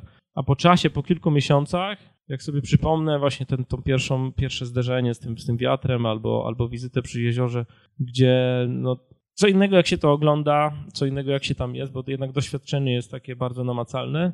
I też o jednej rzeczy muszę powiedzieć, e, jak oglądałem relacje filmowe z, czy czytałem e, z poprzednich lat i widziałem tych ludzi, którzy dochodzą do takiego trudnego momentu, w którym ja byłem, to wydawało się, że no nie, ja jestem doświadczony, przecież ja sobie to poradzę, mam tyle biegów biegłem, e, jakoś to ogarnę i, i, i będzie dobrze. A tu się okazuje, że mnie też może to spotkać. Też mogę dojść do takiego momentu, gdzie jestem pomiędzy dwoma światami i też, e, i też muszę bardzo uważać. Także też e, trzeba mieć w głowie, że to bezpieczeństwo i czujność, no to jest, która jest wymagana, też ten bieg wyróżnia. Jedną z rzeczy, która wyróżnia na pewno ten bieg, jest też obecność tego serwisu. I, I, my tutaj między wierszami mówimy, ale myślę, że należy podkreślić, że należy sobie wyobrazić, że te osoby y, są y, bardzo często dłużej na nogach niż my sami, że y, przed biegiem oni muszą wszystko przygotować, zapakować, a my gdzieś tam, no nie, odpocznij, poleż, bo ty będziesz biec. I oczywiście kończy się bieg i gdzieś tam nas wsadzają do tego samochodu, e, idziemy pod prysznic do łóżka, oni jeszcze muszą posprzątać, e, popakować to wszystko. Teraz każda z tych osób serwisowych e, zatrzymywała się, tak jak wspominaliśmy, co dwa, co trzy kilometry i teraz należy podzielić te 217 kilometrów. Musiała wysiąść z samochodu, przejść na drugą stronę ulicy, wrócić, wsiąść, zamknąć samochód. To już samo to przez, no akurat moja ekipa 24 godziny, y, twoja jeszcze dłużej. Y, samo to już jest niesamowicie wyczerpujące teraz w tej temperaturze. To po prostu ogromny szacun i podziw, bo potem jeszcze Potem i w trakcie cały czas wzrok jest skierowany na nas, na biegaczy i, i, siedzimy tutaj niemalże jak bohaterowie, natomiast światła powinniśmy kierować gdzieś w stronę tego, tutaj niestety nie ma nieobecnego mojego serwisu, ale, ale naprawdę wielkie podziękowania e, dla nich, właśnie dla tych rodzin, bo, bo to wszystko po prostu no, no nie, nie, nie udałoby się. A to jest przeogromnie ważna i przeogromnie ciężka praca e, właśnie tego zespołu ekipy, który właśnie musi opanować te krokodyle e, z Gretki i inne rzeczy, czy nasze humory, bo, bo też Dokładnie, e, bo, bo to nie zawsze wygląda różowo i kiedy, kiedy bieg gdzieś tam się zaczyna sypać, to my też nie zawsze się uśmiechamy i po prostu możemy być e, najnormalniej niemili dla naszego Też myślę, że dla, e, dla osób bliskich to jest trudne obserwować taki moment, gdzie już jest zmęczenie. To w biegach ultra generalnie tak jest, że dochodzi do takiego momentu, gdzie się wygląda na pewno dużo inaczej niż na co dzień, niż na normalnych biegach i to są takie trudne momenty, gdzie jedna i druga strona musi troszeczkę aktorsko podejść, czyli ja też nie, nie chcę dawać poznać tym osobom, które mnie otaczają, że jest źle, a oni myślę, że też nie chcą dać poznać po sobie, że widzą i że też nie jest wcale im komfortowo z tym. A propos supportu, to wspomnę, że też ważne było to, żeby sobie przećwiczyć pewne rzeczy już tam na miejscu, że tak nie, że sobie startujemy z marszu, myśmy chyba trzy razy zmieniali takie, takie plany, co kto robi, bo jechaliśmy, e, zapamiętywaliśmy, co jest nie tak, co trzeba poprawić, co trzeba zmienić. No i właśnie też ja zawsze naciskałem, że zaplanujcie, żeby jedna, dwie osoby odpoczywały, bo to, to jest bardzo istotne na koniec. Na początku wszyscy, tam jest taka euforia, takie emocje, taka adrenalina, że wszyscy by chcieli działać. No to wszystko z pierwszą tak, noc. My mieliśmy to tak zaplanowane, że 60 kilometrów od mety jest hotel y, i tam postanowiliśmy spędzić tą nieszczęsną noc przed biegiem.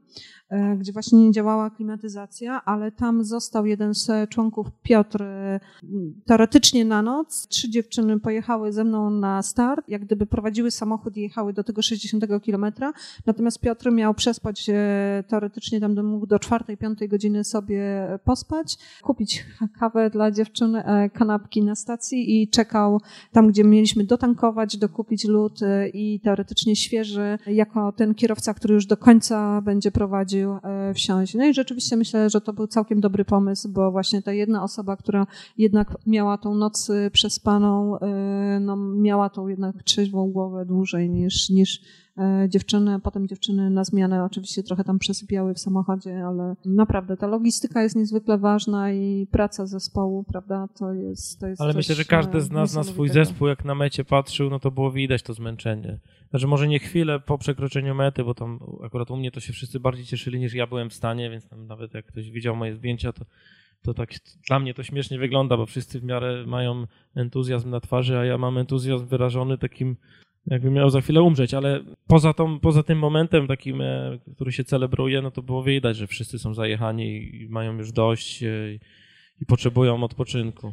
Ciekawostką na tym biegu jest też to, że organizator dopuszcza, jak gdyby, żeby ekipa serwisowa e, wyszła naprzeciw zawodnikowi i ostatnie metry pokonywała biegiem razem, marszem, razem z zawodnikiem. To jest naprawdę taki ukłon organizatora w stronę tego, że nie jest to bieg indywidualny, tylko właśnie ten serwis jest niezwykle ważny i wszyscy razem e, przecinamy linię mety. No, naprawdę, naprawdę miło. Czy jako rekordzistka trasy byłaś jakoś szczególnie przywitana przez organizatora na mecie? E, no właśnie to było dosyć ciekawe, bo mieliśmy wrażenie, że organizator nie do końca jest szczęśliwy, że właśnie nie Amerykanka, dlatego że była tam rzeczywiście e, wymieniona wśród e, faworytek Gina Slaby, która miała no, tak jak gdyby z mojego punktu widzenia takie ułatwienie, że no raz, że no jak gdyby była tam stamtąd, e, to na dodatek jeszcze biegła z mężem. Przepisy e, są takie, że zawodnicy muszą tę trasę pokonywać e, samotnie. Nie można sobie, na przykład ja nie mogłabym biec z Krystianem, nawet jeżeli byśmy mieli ochotę biec tym samym tempem. Natomiast dopuszcza, jeżeli jest to małżeństwo lub para i oni jako a Las Vegas, Las Vegas przecież blisko było. Widzisz, nie, nie, nie pomyśleliśmy o tym wcześniej. Natomiast no, jak gdyby myślę, że spodziewali się, że, że, że i ona była faworytką. E, tym bardziej, że obydwie mm, jesteśmy w kadrze Polski w biegach 24-godzinnych i przed nami były kolejne Mistrzostwa Świata w biegu 24-godzinnym. E, jest to zresztą bardzo mocna zawodniczka i no i tak właśnie mieliśmy takie wrażenie. Też ciekawostką było to, że każdy z zawodników zresztą przecina taką plastikową taśmę na mecie i jak już tam dobiegliśmy, to e, Piotr zapytał się mm, organizatora, czy mógłby taki jeden z tym napisem kawałeczek odciąć tej taśmy na pamiątkę. E, mieli jej cały taki rulon. On się popatrzył, popatrzył i powiedział nie. Ile kilometrów tygodniowo biegacie? To znaczy, no ja jestem akurat taką osobą, która dużo, dużo tych kilometrów zaliczam. I w przygotowaniach e, podczas, podczas tych trzech tygodni tam e, wskakiwało po 220 km tygodniowo. Natomiast e, tak, że tak powiem, kiedy to nie są już takie stricte ostre przygotowania, to, to tych kilometrów jest ciutkę mniej, ale, ale wciąż stosunkowo dużo i no oczywiście zależy to właśnie co, co jest, co mnie czeka, ale 160-180 mm, kilometrów to jest taki całkiem normalny tygodniowy kilometr. Ja jak mam bezpośrednie przygotowanie już do startu i faktycznie mam motywację dużą, no to 140-150 to jest taki u mnie górna granica możliwości. Znaczy mógłbym pewnie więcej, tylko to tak wygospodarować czas. Natomiast zauważyłem przygotowując się do Bedwater, że biegając po asfalcie to jest troszeczkę inne bieganie. Gdyby nie ta kontuzja, to pewnie doszedłbym do wyższego kilometrażu, no bo w górach jednak e, te wysiłki są większe. Ja po, po 30 km w górach mogę być bardziej zmęczony niż po 40 po asfalcie. Natomiast no, nie dane mi było już e, ten ostatni miesiąc spędzić na treningach, bo miałem jakąś inną kontuzję, chociaż, chociaż fizjoterapeuci bardzo naprawdę mocno pra pracowali. Jednego nazwałem sadystą totalnym, bo jeszcze w życiu nie widziałem, żeby gość przy pierwszym dotyku wywoływał taki ból. Jak spaliście po biegu? Oj, to jest właśnie dosyć ciekawe pytanie, bo ja akurat jestem taką osobą, która po biegach właśnie 24-godzinnych czy nawet dłuższych generalnie ma problem ze spaniem. Właśnie to, co wspominaliśmy, że ten oddech, tętno jest podniesione, więc ten organizm e, raz, że gdzieś te endorfiny po prostu buzują, e, cały czas się analizuje, jeszcze cały czas się biegnie, e, więc jedynym sposobem, żeby zasnąć, już to wiem od lat, jest tabletka nasenna i tak wystarczyło mi tej tabletki do szóstej. Mm, od no tak pewnie się położyłam koło drugiej, bo no tak, no, no, na pewno nie wcześniej niż o drugiej, więc cztery godziny. Też ciekawostką jest, że no oczywiście następnego dnia już nie muszę tej tabletki zażywać, ale generalnie nie mam potrzeby odsypiania, czyli, czyli śpię takie standardowe, normalne kładę się, rano się budzę całkiem, całkiem trzeźwa i wyspana. Zupełnie inaczej to wygląda, jeżeli chodzi o moją ekipę serwisową, która podkreśla to, że właśnie po biegu 48-godzinnym, kiedy mi serwisowały, to przez tydzień nie, nie mogły odespać, mimo że w trakcie spały. I, I tak mniej więcej to wygląda, że dziewczyny potrzebują około tygodnia, żeby, żeby dojść do siebie po takim biegu. E, ja zazwyczaj też nie mam jakichś większych problemów ze spaniem Kiedyś miałem może, ale akurat po Bedwater nie mogłem zasnąć, ale to wynikało głównie z tego, że bolało mnie naprawdę wszystko i na, na jakimkolwiek boku się położyłem, to natychmiast czułem ból, tak jakbym był rzeczywiście przez te postaci z baseballami poobijany i nie spałem w ogóle, nawet minuty. E, natomiast problem był taki, że miałem zesztywniałe mięśnie, a organizm chciał wypłukać te wszystkie elektrolity i co tam miałem przyjęte, więc chciało mi się co chwilę sikać i musiałem wstawać do toalety i przy pierwsze trzy razy mi pomogła jeszcze Anita, a później mówiła, musisz sobie radzić sam. I to mogło naprawdę śmiesznie wyglądać, bo łapałem się wszystkich mebli tak po ścianach do tej toalety i z powrotem. To było męczące, natomiast no, później przynajmniej Anita się wyspała. Pierwszy raz tak miałem po Western States, ale wtedy chyba na chwilę zasnąłem, a te, chociaż też nie jestem pewien, a tutaj ani minuty. Dopiero na drugi dzień. Dzień mi się nie chciało spać, rzeczywiście jest ja coś takiego. Podeślę, jakie tabletki trzeba zażyć. No właśnie, może to Znaczy być... ja absolutnie nigdy wcześniej nie miałam problemów ze snem i normalnie jestem osobą, która nie jest w stanie czytać wieczorem, bo książka od razu spada mi na twarz. E, natomiast jedyne to jest właśnie po biegach tak ciężkich, długich, e, po prostu ciało chce, Głowa też zresztą bardzo chce, natomiast y, no, oczy są szeroko otwarte i absolutnie sen nie przychodzi. Później jeszcze są, że u mnie takie dwie kolejne noce, gdzie już śpię, ale to jest bardzo intensywnie się po co dostaję drgawek, e, temperatura jest podniesiona. No i takich kilka elementów, skutków ubocznych, o których się niechętnie mówi zazwyczaj. Tak, żebym nie zapomniał, ja ci podeślę, ja jakie, jakie żele przyjmować, przeżycie. żeby wiesz, żeby fajne wizje były. Ja mam zapas. Nie, no to moja dieta jakoś jest inna, więc, więc ja już kolejne noce najnormalniej w świecie śpię i absolutnie już nie cierpię. Ciekawostką jest to, że też absolutnie nie miałam zakwasów po e, Bydwater, e, minimalnie w udach. Zupełnie normalnie chodziłam po schodach. W czwartek e, wyszłam na pierwsze truchtanie. Trzy tygodnie później byłam na pierwszym biegu 24-godzinnym sztafetowym. Jakoś, jakoś stosunkowo lekko weszło mi w, że tak powiem, w ciało ten bieg, aczkolwiek dosyć długi czas nie umiałam, mm, tak powiedzmy, przyspieszyć, ale to bardziej zwalałam na winę tego, że też w treningu, przygotowując się do biegu, stosunkowo mało robiłam e, szybkich akcentów, e, wiedząc, że to nie będzie szybki bieg, e, że tu jest jednak wytrzymałość i siła ważna. E, słuchajcie, no, jak to się mówi, wszystko co dobre też e, ma swój koniec, także no naprawdę dziękuję wam, że e, mogliście tutaj gościć w Karczmie i opowiedzieć o tym jakże ciekawym przeżyciu dla nas, zwykłych śmiertelników, dla mnie, który tutaj też na co dzień mieszam w garach i biegam krótkie dystanse, to jest, że tak powiem, no naprawdę słucha się z tego rozdziawioną gębą, myślę, że tutaj wszyscy słuchacze też nagrodzą wielkie wielkimi brawami naszych gości. No i cóż mogę powiedzieć, no że kulturalna strefa karczmy będzie trwała i zachęcamy. Jeśli macie jakieś propozycje, zawsze możecie się podzielić. No, jesteśmy otwarci. Był już Marcin Spiers, tutaj to wspaniała dwójka, wcześniej też e, wielu ciekawych biegaczy. No, jesteśmy otwarci, mamy możliwości i nawet w takim małym gronie myślę, że, że dzisiaj naprawdę było przyjemnie. I teraz będzie ta pamiątkowa nasza foteczka. Także ktoś e, prowadzący jeszcze może coś doda, podsumuje. Ale prowadzący nic nie dodał i nie podsumował, gdyż w tym momencie wręczony mu do ręki mikrofon przestał działać. Och, jak dobrze. Zwierzakiem scenicznym to ja nie jestem, wolę sobie do was mówić w zaciszu mojego domu. Spotkanie było fantastyczne, a po przeniesieniu w kuluary jeszcze trwało jakiś czas. Dużo zdjęć, piąteczek, selfików, heheszków.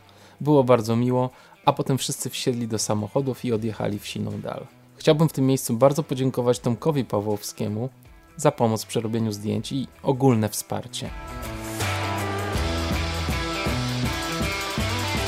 W tym tygodniu miało miejsce rozwiązanie konkursu dla Helicon Tex, polskiej firmy produkującej ubrania outdoorowe. Zadanie polegało na tym, żeby napisać kilka zdań o tym, czym dla ciebie jest podcast Black Hat Ultra. W odpowiedzi przyszły wspaniałe teksty, pełne prawdziwych emocji i historii z życia. Na maksa mnie wzruszyły. Tym trudniejsza była decyzja o przyznaniu nagrody za pierwsze miejsce, ale stało się. Wygrała Oli Orkiszewska, która na Facebooku napisała bardzo osobisty tekst. Posłuchajcie. Czym jest dla mnie podcast Black Hat Ultra? Czymś, na co zawsze chciało się czekać. Dziś ma to dla mnie nawet większe znaczenie. Wygodnie się rozsiąść, założyć słuchawki i słuchać. Już po chwili siedziało się obok Kamila i jego gościa. Tylko on jest w stanie zaczarować cały klimat wywiadu tak, by stał się czymś dla każdego, nawet dla biernego sportowca. Tak, to też przypomina mi czas z tatą. Działaj i rozwijaj się, przyjacielu.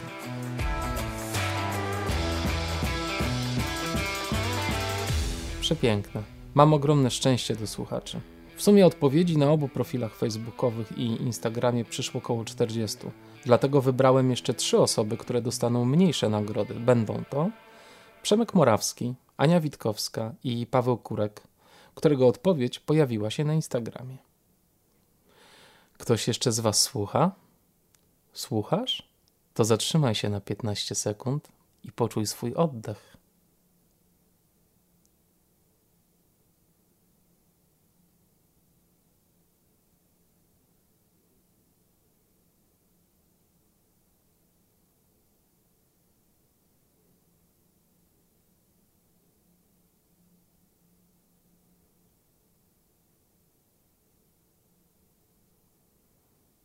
Buźka.